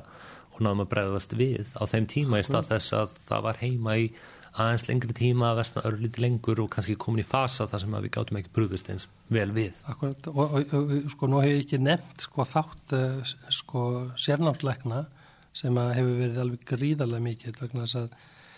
þið eru náttúrulega í rauninni svona á öldufaldi þekkingar uh, og, og eruð, eruð svona hvað við segja, þeir eru svona um, hungruð í nýja þekkingu og nýja reynslu og, og, og þarna ef maður fær ekki nýja reynslu, sko viðtækja reynslu í læknisræði þarna þá veit ég ekki hvar. Og, og hérna sennámsleiknar uh, sko stóðu upp uh, á, á svo margvíslegan hátt uh, með því að, að, að taka þátt í þessu með okkur og að hérna, það er alveg aðdánavert og það er ekki bara þessi klíniska skoðun og eftirlit með sjúklingunum er líka uh, að hjálpa okkur gamla liðinu sko, að átta, átta sig á, á mikilvægi uh, samskiptamiðla og annara í þessu og, og hagnýting þeirra sko, þjónustinu og sjúklingunum til heila þannig að mm -hmm. það, það er gríðarlega mikilvægt og, og nú er ég ekki bara að tala um sko er líka bara að, að, sko, að, að auki allt þetta sko hjúkurnafólk sem er að koma úr um, öðrum störfum á spítalanum og algjörlega brettur upp ermefnar og hleypur til sko, og er algjörlega það, það, það eru, eru engin, engin stórvægileg vandamál sem hafa komið upp í, í samskiptum þessara aðila og, og allir er að, að, að leggjast á áratnar og með samrænt áralag sko. þannig að það er mjög, mm. mjög flott Það hefur verið einmitt sérstaklega ánægilegt að bæði sjá einmitt bara hópin sem ég til er ég til heyri náttúrulega sérnámslægt með liðlakningum hversu margir hafa einmitt bara tekið að sér mjög veiga miklum hlutverkum í skipulagi og framkvæmt þessar heilbristjónustu en einnig það einmitt að sjá úr öðrum výstöðum eins og frá uh, eh, sérnámslæknum á í skurð og svo auðvitað kandidatarnir og læknarnefnir sem hefur hjálp, uh, hjálpað mjög mikið til og í rauninu bara hvernig allir hafa einmitt eh, eitt samægilegt markmið og vinna því. Það verður bara ótrúlega ótrúlega reynsla að vera hluti af því. Sílinn, alveg algjörlega, þetta er bara mjög ánægilega mm -hmm. Þetta er náttúrulega líka sko þetta varður svo fljótt að stóru þjóðfélagslegu verkefni og þarna voru menn ekki bara að að bjarga og huga að nokkuð stórum hópi sjúklinga heldur bara hreinlega að halda heilli þjóðaskútu á réttum kíli mm -hmm. heilbríðislega sko. Já, já mm -hmm. Og það, ég held að allir hafi skinnja sko, með þessum daglegu fundum já, og, og, og, og miðlurinn út af við, við sáum þá bara á samfélagsmiðlum og veðmiðlum spítalans þessum að ég held að það hafi verið svona, svona, svona hartnær tíföldun í viðbröðum á öllum, allir dreifing og upplýsingu frá okkur og öðruna slíkt sko. Já, Ég held að segja ekki hægt að ofmeta í rauninni mikilvæg þess að líða eins og maður sé tilbúin og að ja. stofnunum sem maður tilherir og landi sem maður tilherir sérstaklega að sé tilbúin fyrir álæði sem maður mm -hmm. er að fara að koma og ég held að það hefur verið svolítið rauðið þráður hjá flestum að upplega við erum klála að gera eitthvað, við erum að miskust að reyna að vera fórsjálf mm -hmm. í viðbröðum okkar. Ég held að það skipt miklu máli sko, það er, það er stort vandamál, það er greinlega verið að ræða á vettvangi alþjóða heilbreyðismála stopnunarinnar núna þetta hérna hversu mikilvægt það er fyrir þjóðfélag að hafa single source of truth sko, að sé eitt staður sem þú getur leita já, til, þú veist þessi daglegu fundir að landsbítali sé í ottinum, að landlækni sé þarna sótatalæknir og svo framvegi sko. Og það er svona bara svona óskorað það vald sem þeir hafa til að fást við faraldurinn og svo upplýsingakjöf og hvað er rétt að gera og þess það sko. Já, ram menn að vera að tala um það sko hvað sem mikilvægt að er að geta leitað að, að þú veist að þurfu ekki að greiða sér í gegnum flóða, falsfrettum eða mísísandi upplýsingum. Íslandíkar er ótrúlega lánsamir með, með þetta að hafa sett sína vísindamenn í, í farabrott og Já, ég, ég held að mér þetta, sko, þetta kannski verður hvergi eins glöggt sko, mikilvægi þess að eins og þegar maður, maður horfður minnst í bandaríkjana þar sem að mm þar sem að sko fórsetin hefur verið tvísa og, og veitna, sagt eitt og mynd annað og gert annað og svo framvegis. Og miðlægt vald er mjög veikt í bandaríkjum? Já, í rauninni mjög, mjög veikt sko þannig að en, en bara hér hjá okkur þá, þá er þetta, þú veist, það er uh, sko þetta, þetta hefur tvíð þetta til, tilgangi það er náttúrulega annars vegar sem miðlun upplýsinga sem, og réttra upplýsinga eða það sem eru talda réttistar og það er almenn tiltrú á réttmæti þeirra upplýsingar sem kemur þarna fram. Og svo hins vegar þá, eh, þá skapar þetta, þá er þetta bara svo gott skipulag, það er að segja starfsmenninir, landlæknir og sótaðarlæknir og, og, og yfirlöglu þjótt þeir, þeir, þeir sko þurfu náttúrulega undirbúa sig og þeir, þeir verja þá einhverjum tildæknum tíma vinnudagsins, eh, sólarhenginsins í þetta, í, í þess að koma upplýsingum frá, frá sér og taka spurningar en eru síðan sko í hljegi frá sko áreiti, hennu sko ytra áreiti samfélagsins sko hvað var það fréttamennsku og, og miðlun eh, sko hinn tíman. Mm -hmm. Það er algjör fókus á þetta verkefni. Já. Ég held að svo hefur verið raunin á spítalunum líka þegar við tekið eftir því með matsalina, eina menn eða annað slíkt sko. Það bara hefur verið gert það sem þurft að gera. Já, akkurat. Og það, það má kannski bara, bara nefna það hérna, ég bara, sko að því að maður er náttúrulega bara svo hérna, gleimin í öllum þessum erli að ég, það er slummis, sko, þetta fólk sem er að vinna sko yðnaðamenn sem eru hafið algjörlega aðrulausir farið inn í, inn í síktsvæði og, og, og ég veit ekki hvað og, og gert það sem gera þarf held ég bara náðast ummiðalust þannig að, að, að, að veist, þeir eru algjörlega eða þau eru algjörlega sko, með á nótonum og alveg frábær frábæri starfsfólki sem við eigum á að skipa hvað það, það var þar og hérna og þetta er svona þetta er svona kannski eins og það er í spaukstofan, þetta er svona fólk hjá baka kassan sko skilur, það, það er svona að, að, að þessir aðilar eru bara svo mikilvæg, við sem erum sko hérna ég hef kannski búin að vera ofurselt bóknámi í mjög langan tíma kunnum ekki halda hamri sko stílur og, og vitum ekki hvað snýr upp og niður á hlutum að, að þarna eru þessir aðilar sem að sagt, skinja það að, að þetta er náttúrulega hættulegt og, en, en eru samt alveg bara game í, í að, að vinna að faglega, faglega og að heilindum. Og það, þú veist, það er bara kannski aldrei talað um þetta, þessa aðila allar þessar stóðstjættir og allt þetta fólk sem, sem stendur á bakvið þú veist, allt þetta flotta viðbröð, veist, það er ekki bara læknar og hjókunarfræðingar eða sjúkarlegar eða hva, hvað það nú heita allt þetta stjættir Næja, bara mikið veit að munna að læknar, hjókunarfræðingar og sjúkarlegar eru rétt liðilega helmingu stafsóls landsbítala sem eru 6.000 manns sem þýðir það að, að, að tæplega 3.000 manns til viðbútar er í öðrum störfum að svona halda þessari ógnasterkum maskínu gangandi. Um, Það sem að hefur eiginlega verið líka svolítið rauðurstráður í fyrir faráttunum sem hefur verið vegna koronavera eins og SARS koronaveran sem var þess að fyrsta SARS koronaveran í rauninni og síðan MERS koronaveran sem var í miðausturlöndum mest en líka í sögu kóru var þetta voru faráttur sem einkendust af miklum spítala faraldur, svona klösum af síkingum. Þetta mhm. dreifðist mjög vel innan heilbyrðiskerfa og það var náttúrulega og er ennþá svolítið svona óttin í kringum COVID-19. Þegar kemur á landsbytulun sérstaklega, hversu góður var, hversu góð var aðstæðan eiginlega til að tryggja góða smitvarnir og hvað þurfti verulega að bæta og hvað er hægt að bæta núna til lengri tíma mm. þegar við erum búin að fara í gegnum þetta? Já, þetta er góð spurning sko. Ég Þannig að hefur verið um, margt að í síkingavörnum á spítalanum e, til lengur og skemmri tíma og kemur það margt til og meðal annars uh, var afar slæm staða á bráðmátökunni fórsvögi hérna síðla, síðla á síðast ári og, og semst var uh, tilumni viðtalsvimi í Læknablaðinu sem var byrtist í janúar þessu ári og og uh, það, það voru mikla rákjur sem að maður hafði að mitta af því hvernig við ættum að rækja góðar síkingavarnir og það var náttúrulega helsta ógnin uh, með það fyrirkomlega eins og, eins, og, eins og var. Og ógnin náttúrulega náði bæði til uh, um, öndanafæra síkinga en, en ekki, ekki síður til uh, hérna yðra síkinga, borðin og veru, klósetum diffisíl og, og svo fleira Það sem að gerist hins vegar sko í, í faraldrinum er um, kannski, uh, kannski bara tvent, má segja. Það er fyrsta lagi er að, að það opnar hérna nýtt hjúkurunheimili og uh, heilbyrðisadra fjelst á þá tillögu sem að framkom að um, spítalinn myndi fá forgang í að, að,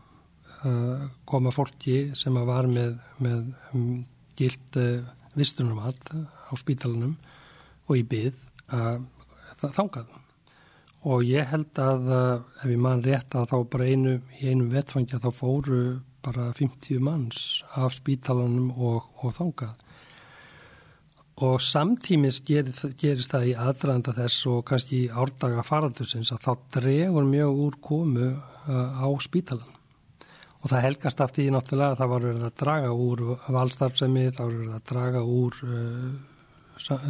samkomum fólks og, og, og ferðalögum öðru slíku. Þannig að, að, að, að þessi samdráttur sem að varði í komum á, á bráðamáttökurnar og á, á göngutildinnar og þessi flytningur uh, fólks með vistunum að gerði það verkum að allt í einu formaður að sjá að spítalinn var ekki full nýttur og, uh, og það bjargaði í rauninni þessu og þetta er annar mjög mikilvæg þáttur. Hinn þátturinn var í rauninni það sem við hefum rækið hérna áður að það var í rauninni breytingin í skipulagi móttöku uh, COVID-sjúklinga. Fyrst með því að, að, að setja niður um, gáma til þess að taka á móti tilfell, tilfellum fyrir utan bráðmóttökuna og jáfnframt var heimilegað að, að stækka við bráðmóttökuna smá úthísi úr tveimur stofum þannig að það skapar möguleika á því að taka fólk innbeintað utan og, og, og hérna og er í rauninni bara með samþýrta tekníkar og verður reist núna í vor Þannig að þessi tveir þættir eh, eh, gerða það verkum að mínum að, að ferli eða ferill sjúklinga innan spítalans eh, hefur gengið mjög vel. Hvað var þar áhyggjur af, af heilbyrði starfsfólki að þá, þá var það vissulega vittnesti ellendis frá að, að það, að það var, voru síkingar hjá þeim, eh, þau örðu veik og einstakar fólk dó sem var alltaf stjálfilegt En þegar maður fór að skoða það, þá var það annars vegar sko í árdaganum þegar maður vissu kannski ekki nákvæmlega hvað um var að, við var að etja og svo hins vegar uh, var þetta á þeim stöðum þar sem að fólk var svolítið tekið í bólinu skipulagslega séð og það var bara ekki nægilega mörgum sko varnarbúnaði til að dreifa. Við höfum verið svo lánsum hér á, á landsbítalanum að, að, að samkvæmt bestu vittnestju þá höfum við þá var okkur ekki kunnugt um neitt sem hefur smitast í störfum sínum inn á spítalunum. Enda höfum við lagt uh, mikla og ríka áherslu á rétta nótkun uh, eh, hlýðabúnaðar og uh, til dæmis höfum við sett upp speigla fyrir fólk á göngunum þar sem að fólk getur skoða sig í speigli þegar þeir að fara í og úr og, og, og, við höfum lagt, uh, lagt til að það væri alltaf einhver annar starfsmæður sem fylgist með og tryggði að við að væri að gera þetta rétt bæði að fara í og úr búnaðinum. Þannig að með þessum þáttum hafa hefur tekist hinga til að, að, að hérna, verja starfsfólktjókar og í rauninni eh, eins og ég hef sagt stundum við fólk að, að í raunin ertu miklu örugari inn á spítalanum innan um COVID-sjúklingana í varnarbúnaði sem er rétt notaður heldur en út í samfélaginu. Enda hefur það verið raunin að þeim, undir þeim kringustana þegar að einhver hefur komið inn á spítalan eða þegar hefur komið upp smitt inn á deildum spítalans þá er það yðurlega uh, það var yðurlega hægt að rekja það til uh, starfsmanns uh, eða smitt skulum við segja úr samfélaginu sem hefur borist inn á viðkomandi starfseiningu með starfsmanni. Auðvitað er það engin ásetningur í því að, að fólk sé að gera það en, en það hefur rauninni reynst vera sko ógnin og er í rauninni grundöður meðalans fyrir því að, að við erum að byggja fólkum að halda tveitja metra reglu og, og ekki vera í, í hópa myndunum utan vinnutíma. Og, og, og þannig að ég held að þetta hefur bara gengið mjög vel. Þannig að síkingavarnir eins, eins og hérna það er í rauninni margt sem við gætum gert betur eins og til, til, til dæmis bara salernismál, um, stórar sjúkurstofur og svo framvegis uh, og náttúrulega uh, svona það sem er kallað overcrowding á, á dæmis bráðumóttökum að það hefur leist úr þessu eh, flestu, náttúrulega við erum ennþá með, með marga sjúkling á stofum og við erum eða með að fá salerni en, en það stendur allt saman til bóta í nýju sjúkurhári mm, mm. en hittum við gengið vel mm -hmm. Akkurat og nú kannski komið sórlítið inn á örlítið fræðilega vingil en uh, það sem hefur náttúrulega líka verið að gera einmitt samhleið öllum skiplarsbreytingunum og breytingum á dildum og fyrirkomulega er að við höfum verið að beita svona ymsum meðfæra úrræðum í svona að hluta til tilröna tilgangi en auðvitað líka byggt á þeim rannsóknum sem fyrirleika nú þegar. Þar sem að kannski stendur þar upp úr er að þeir einstaklingar sem hafa lagst inn og líka að hluta til þeir sem eru í háum áhættu eða miklum áhættu ópa á alvanlegan sjúkdóm mm. uh, á Birkiborg hafa fengið meðferð með uh, gíktarlifinu, hydroxyklorokinga amalt malurlif líka og einnig síklifið aðsittrumísin svo hafa vissir einstaklingar sem hafa leiðinni og verið með mikla bólguvirkni fengið líka tósilísumab mótefni gegn endurlukun 6 sem er bólgumill um, hvað var svona hvað reynslega, hvað aðdrandi var í nótkunna þessum limmi og hvernig finnst þér það hafa gengið og virkað? Já, sko ég, ég held að þetta hefur bara gengið alveg átjætlega að vísu eins og þú bendur á og þá er þetta þarna er verið að nota sko þessi lif í óhefbundum tilgangi og en, en þó reynd að byggja á einhverjum gögnum fyrirleikjandi sem að þessar sem að lágu fyrir þegar að þessar ákvarðanar voru teknar. En uh, líka erum við að, að svona að reyna að vera með eh, svona skinsamlega ágískanir um virkni livja og þá kannski við meira í, í tilfellinu með tósilísumab Sko það er þannig að, að, að sjúkdómurinn hann, hann er, er þannig að við byrjum á því að fá veirusíkingu og uh, samkvæmt svona bara hefbundinni þekkingu þá gengur veirusíking venilega yfir og, og hún er kveðin niður með virkjun ónæmistjárfisins og uh, þegar að hérna veirurnar hverfa eða dregur verilega úr þeim að, og, magniðir er líkamannum og það, er að vera komin að lokum síkingarinnar að þá á að slökna á bólkusvarinu sem var kalla til til þess að hveða óværuna niður.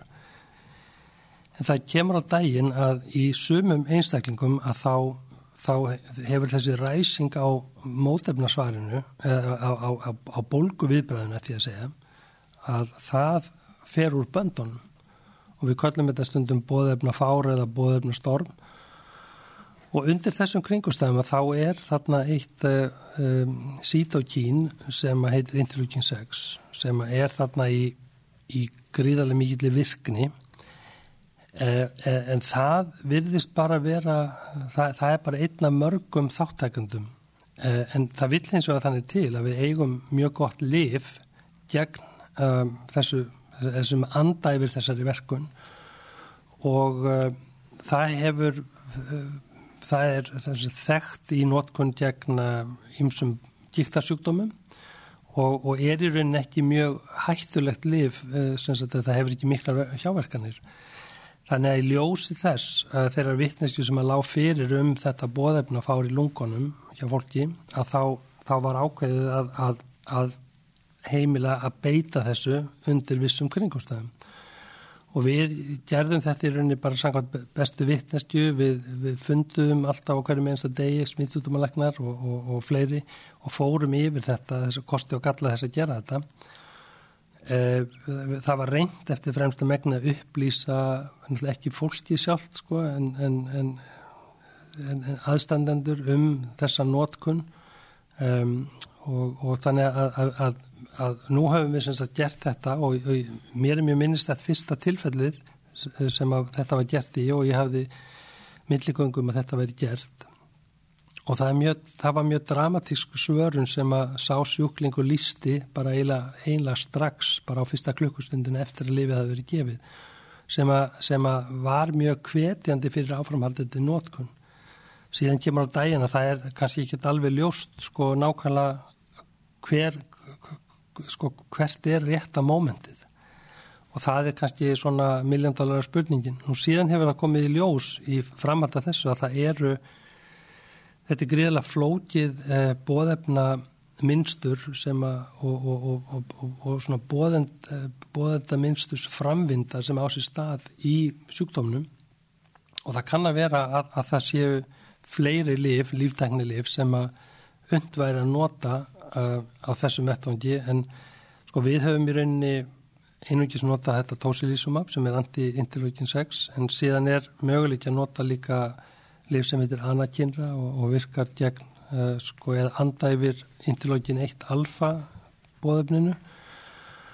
og sumir hafa viljað ganga svo langt uh, að, að, að, að hvort það ætti að nota TNF alfa blokkera sem eru bildingakend liv í meðferð gíktar og fleiri sjúkdóma þannig að og, þa og það er mjög mikil reynsla af nótkunn þeirra, lifja náttúrulega en sko ókostöðin við þau liv er kannski uh, fólkinni því að, að það veldur sko, getur valdi langvinnir í ónæmisbælingu sem getur þá, uh, við vitum ekki alveg hvaða áhrif það hefur sko, í þessu samhengi. Mm. Þannig að við höfum svona haldið okkur við þetta tvent, það eru, það eru, það eru fleiri liv sem eru í pípulögnunum, það er til dæmis liv sem heitir remdesivir sem er uh, sérhæft veirulif og virkar á, á RNA polymerassan í þessum veirum og, og hérna er, er áhugavert. Um, það eru í tilrönum gegn, gegn hérna MERS og kannski fleiri, fleiri ver, lifjum, hérna veirum. En síðan er, er, er liv sem er kemur frá Japan sem heitir Favipiravir og er upplega þróa þar og markasett til þess að, að vinna gegn annari RNA veiru sem er influensu veiran og uh, við erum að, að, að fá sagt, uh, nokkra meðferðarskamta eh, sem þúsund meðferðarskamtar gefna frá japansku ríkisöldinni og við munum alltaf að, að hérna, gera sagt, klíniska rannsókn á notagildi þessa leifs índu þessu kringstæðum að fengnum náttúrulega öllum tilsettum leifum og, og upplýsta samþyggi þannig að, að sko það, það er uh, þessi, þessi meðferð er náttúrulega sko það vantar í rauninni líf íð eh, en, en, og, og svo erum við líka svo snemma í þessari, þessum ferli sko kannski, kannski á að beita livjum í kombinasjón mm. við höfum fjöldamögg dæmi um það í, í veirufræðunum til dæmis eins og bara með HVF þar sem að, að það, var, það komu fyrst fram liv sem að virtust lofa góðu en, en verkurinn kvarf svo bara á nokkur mánuðum vegna þess að veiran stökkbreyti sér Eh, svo komu nýtt liv og nýtt liv og nýtt liv og, og síðan var það bara þannig að einhverju góðu manni dætti að nota tvo livjaflokka saman, þrjú liv og þá, bingo, þá, þá, var, þá var bara björnin unnin mm -hmm. það er að segja hvað var það í veirumagnið í blóðinu og, og, og HVF sjúklingur gætt endur heimt lífsgæðið sín þannig að kannski, kannski verður eitthvað svoleiðis hérna hjá okkur, kannski veist, við erum með eh, eins og, og remdesivir og favipíravir sem eru veirulif uh, uh, þau hérna og, og svo náttúrulega hef ég ekki nefnt þarna HVF-lifi, lópinavýr eða rítanavýr að, að, að þessi lif er að virka á mismöndi sagt, uh, staði í, í hérna, efnaskiptum veiruna.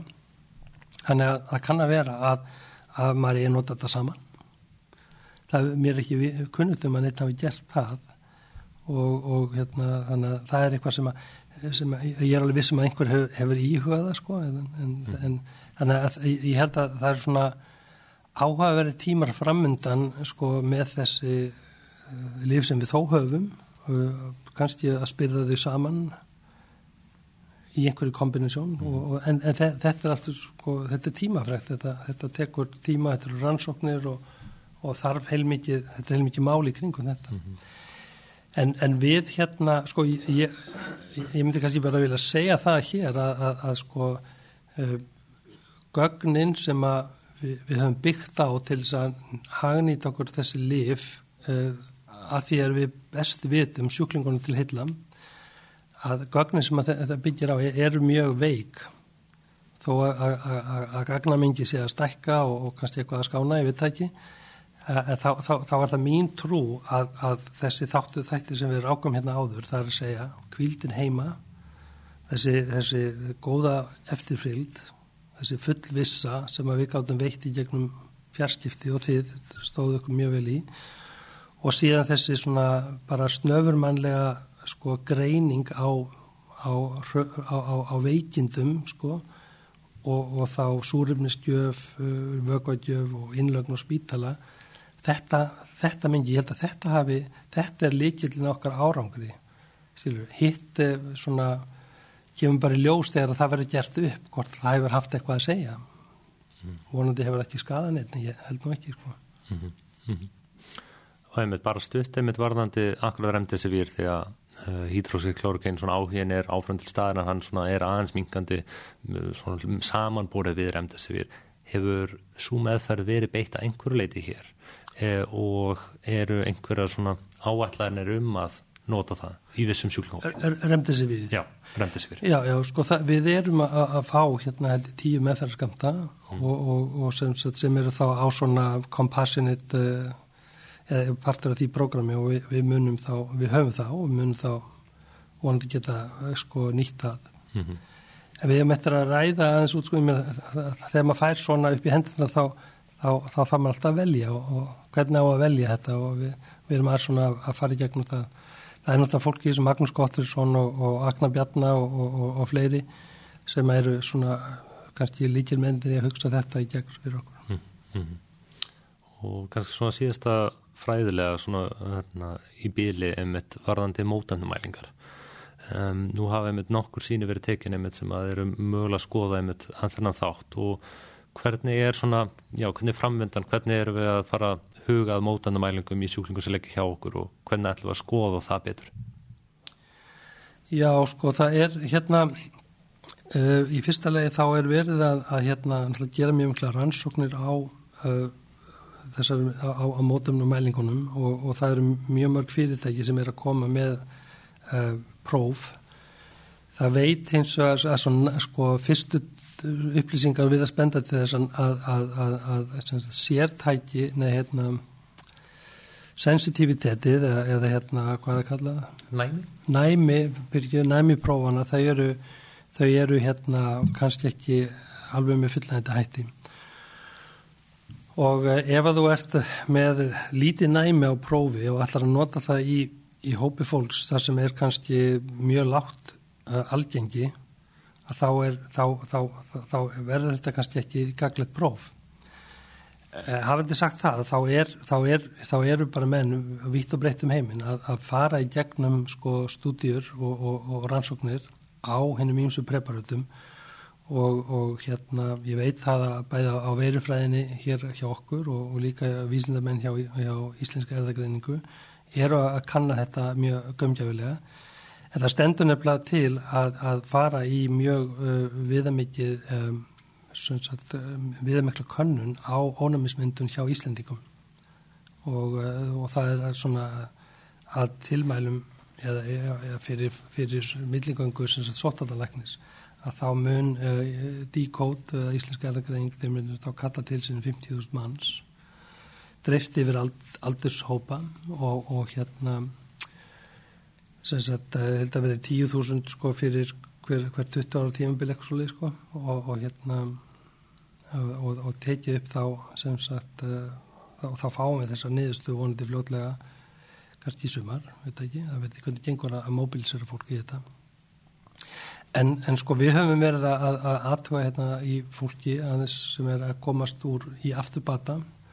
Og það er bara svolítið breytilega þessi nýðustáð þannig að við, við erum, ég, sko, ég myndi ekki treysta mig til þess að, að, að tólka þetta allt saman á einhvern skýnsanan hátt ennþá. En, en, en það verður mjög forveitlind að sjá sko nýðustöðu rannsóknu íslenga eðagræningar sem að landsbytjarnar er þáttakandi í. Og, og hérna þá um, niður, um nýðustöður um útbreyslu veirunar í þjóðinni mm -hmm. fyrstu náttúrulega nýðustöður rannsóknar benti til þess að það væri til dæla lítir útbreysla í samfélaginu mm -hmm mm -hmm. en, eh, en þetta er þá önnur, önnur nálgun á þá, þá spurningu mm -hmm. spurningun um útberðslu í samfélaginu -hmm. þannig að þetta er, þetta er bara allt, þetta er mjög áhæfverið tímar og mhm. gaman að segja þetta en, en þetta líka kannski færir okkur heim sanninu það hvaða er sko einhvern veginn manni fannst kannski svona mótefnamælinga pælingar, ekkert vera sérstaklega spennandi og þetta væri svona eitthvað, eitthvað fyrirbæri sem væri kannski á útferð úr greiningar, uh, vopnabúri lækningsveðinar en mér finnst einmitt þetta sín okkur það að sko það, það er mjög mikilvægt að, að og sérstaklega fyrir svona stopnið eins og landsbítalan sem að gegnir sko auk þess að vera þjónustur rannsónstofa fyrir spítalan að þá er þetta náttúrulega þá er þetta hérna, við, hvað er það kallað? Tilvísunar eða, viðmiðunar rannsónstofa fyrir sóttatanleikni um líðhelsum og á þessum stað það þarf að vera til uh, það þarf að vera starfsfólk sem hefur mjög góða þekkingu á þessari tegund greininga á, sagt, á, á, á veirum og bakteríum vegna þess að það er, það er mjög margt ennþá sem við erum að nota í greiningum til dæmis bara eins og sífilis sem er mjög, mjög flókið og snúið að lesa úr og, og við þurfum að hafa góða þekkingu sagt, á, á öllum stöð, stigum þjónustunar sko bæði á rannsónstofinni og svo hafa fólk uh, sem hefur uh, þekkingu að, að tólka þessu niðurstur. Mm. Nú svona þess að slaufa þessu, þetta er spurning sem að auðvitað allir eru að velta fyrir sér. Og við erum í miklum óvistjum, svo auðvitað er ekkert eitt endalegt svar, en hvernig sér þau fyrir þér að landsbítalinn verði skipulæður næstu mánuði núna þegar við erum að detta niður í faratuskurfunni uh, hvað þjónusta verður rekin áfram að því COVID-19 uh, batterið sem við erum með núna og hvað, svona, hvað getur við búist við því að verði gert? Sko við erum í, í, í bara í miðri á að einmitt að reyna ákveða þetta. Þetta er alveg, þetta er sko ótrúlega flókið. Eitt er að koma hlutum sko af stað og koma, koma sér í stellingar til að takast á við þetta. En að, að, að allar svo bakka niður, það er, það reynist okkur bara að vera daldið þungbærara. Það er, það er, það er flóknara, það er flóknara viðfansemni. En sko hafa þetta sagt það, þá, þá hérna þá er það þannig að, að sko nú erum við búin að setja okkur í stellingar þannig að ef við bökkum út úr þeim stellingum og förum að gera valaðgerðir eins og heimila í dag sko með reglugjörð að, að þá, þá, þá erum við held ég svo snögg að fara aftur í fyrir stellingar. Þannig að og það er svona ákveði hjálpraði í þeirri hugsun.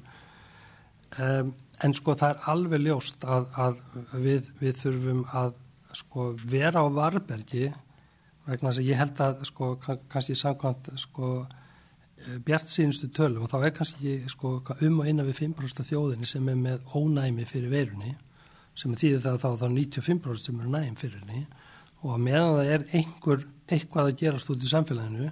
að þá er þessi 95% bara eins og púðurtunna. Þar að segja að það getur þá komið upp faraldur hvenna sem er. Og þetta hefur við séð Kvamstanga, Bólungavík, Vestmannegjum eh, og sem sagt hveragerði að þá bara, það, það komið hann inn einhver tilfelli og svo bara puff, sprakk allt út sko. og þetta er það sem við þurfum að vera í, í,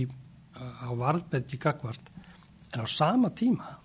þá verðum við að reyka sjóppuna það þarf að vera hérna líðskipti aðgerði, það þarf að laga augasteina og veist, það þarf að taka gattblöður og ég veit ekki hvað og hvað sko. þannig að, að við, það er okkar áskorun í dag, það er, að, er að, að vera á einsmiklum fart sagt, hvað varðar hérna hinn almennu veikindi á sama tíma að vera alveg í starthólunum og geta sprott upp hvernig sem er. Þannig að þetta er heilmikið áskorun og, og hérna, er svona viðfáðsefni okkar þess að tala. Tvent svona frá sjónaróli leikmanns, hversu, hversu lengi getur við þurft að sjá þetta viðbrað þurfa að vera til staðar og svona nokkuð vyrt? Sko, já það, það er, þetta er, frábær spurning og hérna, sko, ég meni ég held að þú þurfur að, að, að sko að það þarf að fara annarkort saman að þú fáir gott hjarð á ónæmi bara af náttúrulegum eftir náttúrulegan gang eða þá við þurfum að fá eitthvað bólefni eða, eða bólefni skástrygg liv sem að gera þetta að einhver vandamáli þannig að meðan að við höfum sko ekkert af þessum þáttum sko í hendi að þá, þá held ég að við þurfum að gera þá þurfum að vera viðbúin sko um nokkura hríð Já hvort að það eru 6, 12, 18, 24 mánuður, ég, ég veit það ekki. En öllu líkit, já, eitt í tvö ár.